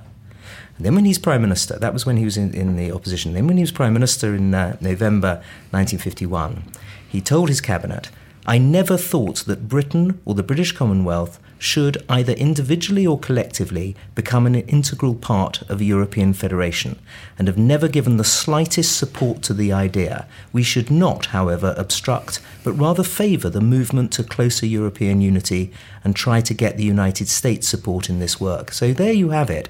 He didn't want Britain involved, but he was all in favour of it. I'm exactly the same, and so are most of my Eurosceptic friends. They're perfectly happy for the European project to go on, they just don't want Britain to be part of it. So maybe, Felix, uh, your problem is that Andrew has more and more s- sources than you could have for your book.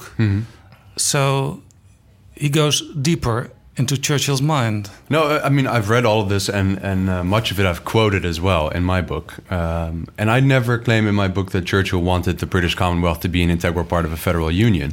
In fact, it's a different uh, concept that I offer. That in the late 1940s, specifically, if you trace his thinking all the way from the beginning to the end, he starts to believe that with the diminishing power of Commonwealth and Empire, with the threat of the Soviet Union in Eastern Europe, With NATO. with NATO obviously uh, happening as a security umbrella, which is enormously important for the security of Europe, then uh, you needed Britain also at the helm of a bloc of European powers, which would have economic power as well as geopolitical power. But you Now- can't be at the helm of something unless you are in it. That's right. And so he that's wanted why to- he did not want to and be so, in it. at- time and time again, he wrote that he didn't think the solution was to create a European Union without Britain, but he stressed that it was a European Union. It wasn't the European Federation that the Continentals were proposing in 1950 when they combined the European Coal and Steel Community with the European Defense Community, which would then also come with a political union, which was not something that Churchill would, si- would sign up for at the time. But over and over again, he stressed the point that he wanted a let's call it a flexible union, which could grow into something more in the future, but was definitely intergovernmental, as you say and as you quote him, from the start. And what we have today is an inflexible political union, and therefore something that uh, when um, Brexiteers look at uh, the words of Winston Churchill, they're quite right to take solace from the fact that, as you said, he doesn't want to be part of a, of a um, the kind of European Union that we've got today. Right, and so we have a completely different situation today, uh, and here's where we, where we have to stop extrapolating from what Churchill would have thought, because the world has changed. Uh, national sovereignty, as it existed in Europe uh, uh, in the early part of the 20th century, was there partly because of imperial richness, uh, of imperial power. Uh, that goes for uh, for Britain as well as for the Netherlands. Uh, the great European uh, nations have always existed because of their imper- imperial strength. And now we live in a situation, and, and this is the 21st century, where sovereignty is, is a difficult concept for European nations because of the power of China, for instance, of Russia, of the United States, and, and more specifically, of the United States under Donald Trump, uh, we have a situation in which the European nations, as Churchill said in 1948, are seeking a larger sovereignty, which can alone protect their diverse customs and traditions. So your main argument is that the circumstances are quite different than in the Churchill era. So Churchill had acted different too. No, living nowadays. This is Ted Heath's argument uh, for taking Britain uh, into Europe in the 1970s. Yes, Ted Heath uh, once said sovereignty is doing what's in the best interest of the people, and that's joining Europe. Well, yes, and this and uh, here's a sort of this is a contemporary argument, but I think Britain would be better off in the European Union because it's so damn difficult to be uh, a nation of 70 million or so uh, and exist as a, as a smaller European democracy in the world without the power of actually uh, having something to say at the European table. Couldn't, Now, I- couldn't disagree more. There are 150 states in the world that are not members of the European Union. There Mhm. are plenty of big countries that have large GDPs. Britain is the fifth largest GDP in the world. Um, Nobody's trying to uh, argue that uh, Japan is a um, unimportant country today. Uh, it's um, not necessary to be part of the European Union, especially if you're actually an island off the um, that's not actually contiguous uh, to the rest of the European Union, and somehow feel that that's going to uh, to destroy our. Uh, our um, thriving um, industry. It's just something that I think is. Uh, is old fashioned thinking. It really is, because you were right earlier when you talked about the Venn diagrams. They have changed. Of course, the, there's no longer an empire, but there are any number of countries, especially actually some of the countries within the old empire, like Canada, Australia, New Zealand, with whom Britain would like to have free trade agreements and which it Which seems it has. which it, Through the European Through the European Union. Precisely, and we'd also like to have um, free trade agreements beyond and away from the European Union when the great day dawns. I don't think it is going to dawn at the moment because we have a Remainer Parliament which is 74% uh, Remain, even though we have a referendum which was 52% Leave. So constitutionally, we have something which I think will probably um, stop leaving. Um, but nonetheless, that. So you uh, think in the end there will be no Brexit? I think there'll be no Brexit at the moment, although it changes day to day. I mean, we are. But at the moment, can be also Brexit in 50 years. Um, oh, certainly that. Oh, in the long term, undoubtedly, we are not going to be part of the. Eu- In 50 years' time, no way are we going to be part of the European Can I Union. can I put something which struck me? Uh, you, as the author of the Napoleon biography, did you not catch in the Churchill book that he was a proto-Gaullist? Like de Gaulle, he said, "I want to be leading, you know, important in Europe, having my own nuclear arms, etc. But I, of course, do not want Europe to be sort of collective, as he had, uh, Volapük et Esperanto, uh, Europe, in which France sort of submerges. So that it was a sort of a Gaullist 19th century imperial interpretation of Europe. Gaullism is actually very interesting the way it uh, comes into and out of uh, British Toryism. I mean, you can see Margaret Thatcher as a uh, as a as a Gaullist in many ways. It's a um, it's a concept that is attractive to an awful lot of um, of conservatives. Um, I myself was born the day before de Gaulle said non to uh, to uh, His famous press- press conference. to, to Britain joining the uh, the European uh, Union. I wonder whether sometimes it might have had something to do with my political DNA that uh, that extraordinary coincidence. Let, coincidence. us listen for, for a while to the girl saying no. L'Angleterre, en effet, elle, est insulaire, elle est maritime, elle est liée par ses échanges, ses marchés, son ravitaillement aux pays les plus divers et souvent les plus lointains. Elle exerce une activité essentiellement industrielle et commerciale et très peu agricole. Elle a dans tout son travail des habitudes et des traditions très marquées, très originales. Bref, la nature, la structure, la conjoncture qui sont propres à l'Angleterre diffèrent profondément de celles des continentaux. Charles de Gaulle. Now, what, what you see here is a sort of similar uh, personality, uh, but of course French, like Churchill, a 19th century man, but very in tune with modern age, which Churchill was. Churchill loved technology, for instance, like de Gaulle. And at the same time, this combination of a European destiny, walking with destiny in Europe, and at the same time, we are who we are. And is that not a sort of a similarity which strikes me uh, when I read your interpretation of Churchill and uh, Europe? Yes, Churchill admired de Gaulle uh, very much, of course. He had in, uh, endless clashes with him. Of course he did, because it's impossible to, uh, to interact with that extraordinary um, six foot five without the kepi, um, aloof figure of, uh, of Charles de Gaulle without that wonderful nose. but, um, but nonetheless, underlying it all was a tremendous admiration for what he did in June 1940 in leaving France and in setting up the Free French and in uh, uh, being tried in absentia and uh, condemned to death, indeed, by the Vichy authorities. Uh, that was the kind of act of courage that Winston Churchill always, uh, always admired. He even he defended de Gaulle also uh, against FDR. He did, um, and uh, but at the same time, of course, he attacked um, de Gaulle uh, whenever he could, especially when they saw one another. He also made one of the funniest remarks, I think, about uh, de Gaulle, which was that uh, de Gaulle reminded him of a female llama surprised in her bath. it's bizarre. totally bizarre. Classic Churchill. yeah, the, the, the, wonderful thing is you can immediately imagine yeah. Yeah. as an image yeah. that it is true. And also to make de Gaulle female as well is, uh, is an added Of course, but uh, that, twist. that was uh, very well sensed that de Gaulle had this very feminine sort of artistic quality. It was a great diva. Andrew, you, you mentioned some signs in the 1950s during his during Churchill's prime ministerial uh, period, um, he didn't want fully to go in those European things. Uh, but Felix, uh, Churchill was uh, pretty much in favor of the Schuman Plan.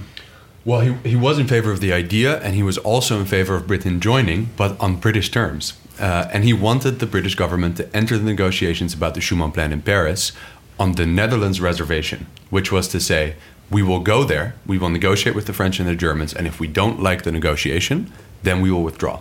The French and the Germans, of course, wanted to say, on principle, we are going to agree. We're just going to talk about how it would look like, but when you join the table, then ultimately you will walk away with the signature. Churchill wasn't uh, going to accept this, neither was the Labour government, but the Labour government didn't want to go at all because Attlee and Bevin were afraid of harming Commonwealth interests. So uh, uh, it's very, very good that uh, Churchill, uh, therefore, according to what you're saying, was willing to walk away with no deal. I don't think in any situation uh, Churchill uh, is is willing for Britain to become a rogue state in in, uh, in international affairs, which it would become after uh, you walk away with no deal. We, we, will see each other in The Hague uh, to claim the money. that's quite different. That's quite different from the House of Commons nowadays, because the House of Commons stated we want, we don't want no deal. Precisely, yeah. and that's why we're not going to get a good deal. There's one interesting thing with the Schuman Plan. One of the reasons, let me surmise, that Churchill said, "Let's go to the table and talk." That he knew, of course, that the great mind behind it was Jean Monnet. And he knew Jean Monnet is one of the unknown, brilliant advisors of Franklin Roosevelt in organizing the American economy in the war. Yes, he was a huge admirer of uh, Jean Monnet, um, who, and who isn't? I mean, this is the key thing. It's very important that one should always remember that. Um, Churchill was almost, as, as Felix has pointed out, was always in favour of the European project, as are most Britons. We want it to, uh, to do well and to succeed. We just don't want to be a part of it ourselves. But it's very interesting that he knew Jean Monnet through FDR, which not many people know. No. Um, I read Boris Johnson's book, The Churchill Factor, published in 2014 he didn't take a side on where Churchill was standing on Europe. He, he, he wrote, We cannot take the great man in this cureless way. He cannot hear us. The oracle is dumb. Wise words. Then he forgot. Very wise Right up, words. yeah. But nowadays, Boris says Churchill is a Brexiteer. Um, Andrew, do you agree with Boris Johnson on this? No, I don't. I, I agree with the original Boris Johnson, the one that uh, says that one can't one can't put words into the mouth of a dead person. Uh, and I'm doing that not because I wouldn't like to. I'm a Brexiteer too. I would love to, um, but because uh, Churchill's own daughter told me not to. There- there- There's one other advocate of Churchill being a European, and that's his grandson Nicholas Soames. Let's listen to him. My grandfather started his public life when Queen Victoria was still on the throne. When he, when he was a soldier and he charged in the last cavalry charge of the British Army using a sword. He served six of the kings and queens of Britain and he is the present, he was the present Queen's first Prime Minister. And if you were to put him here today, does anyone really believe that in all that time, with all his experience, that looking out over a very unstable, fragile, uncertain world, he would really think this was a good idea for Britain to cut itself loose from the continent which it has so often had to ride to the rescue. Uh, Nicholas Soames, uh, in his heart, is against Brexit, and he also says, "My grandfather would have been." Well, I think Nicholas, who I like very much and who's been tremendously helpful for my book, um, I'm afraid is doing exactly the same thing as Boris Johnson, isn't he? Yeah, he's he's imagining what his granddad would d- do and say if he were alive. In circumstances that uh, fit into his own uh, political preconceptions. Uh, we're coming to the end of this conversation. Andrew, who do you expect to be the next Prime Minister of Britain? I think it will be a leaver. Um, because the Conservative Party is about 80% uh, leave. If a leaver gets onto the ballot of the last two, I think it would be very difficult for the Parliamentary Conservative Party just to have two remainers. I think, therefore, they will uh, probably choose the um, most moderate uh, leaver, and that is Michael Gove. He's a friend of yours, He's, he's also, as well as being a friend of mine, um, he's somebody who supported Brexit, believes in it, but also has been supporting the withdrawal agreement, um, which I don't support. Um, and he is somebody who has the intellect, uh, the charisma, the uh, speaking ability, and um, the leadership qualities to make a really effective prime minister. But what we have now is a situation where the last five Tory prime ministers have been brought down by Europe, and we, that cannot continue. It's more or less a civil war in the Tory party. Undoubtedly, a declared civil war now. And that never ends. Uh, yes, civil wars do end with the victory of one side or the other. Can I ask you a last question? It's a two part question. First of all, what do you think is Churchill's greatest mistake? Is that India, you know, no, lambasting Gandhi, or is it his support for Wallace Simpson? Uh, neither of them. It's uh, the Dardanelles catastrophe of 1915, in Really? which 147,000 people were killed or wounded.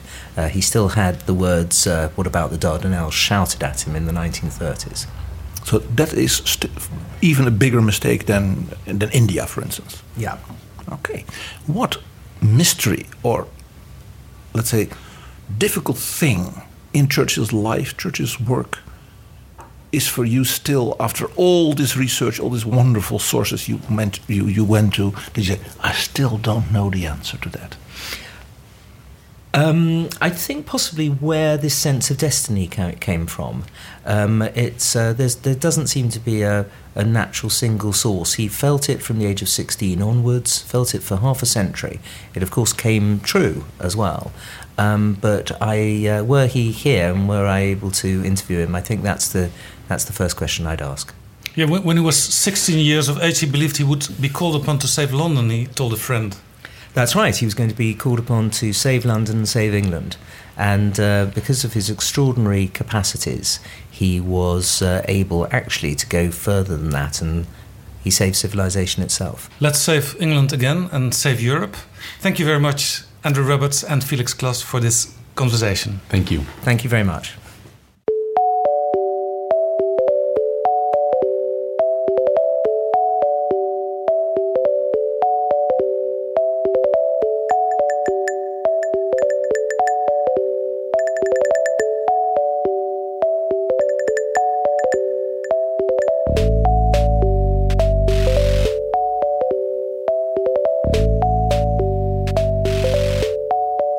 Zo, dit was Betrouwbare Bronnen, aflevering 32. Zoals ik aan het begin van deze podcast al zei, in de volgende Betrouwbare Bronnen uitgebreid aandacht voor de deze week overleden Max van Wezel. Tot dan. Betrouwbare bronnen wordt gemaakt door Jaap Jansen in samenwerking met dag en nacht.nl.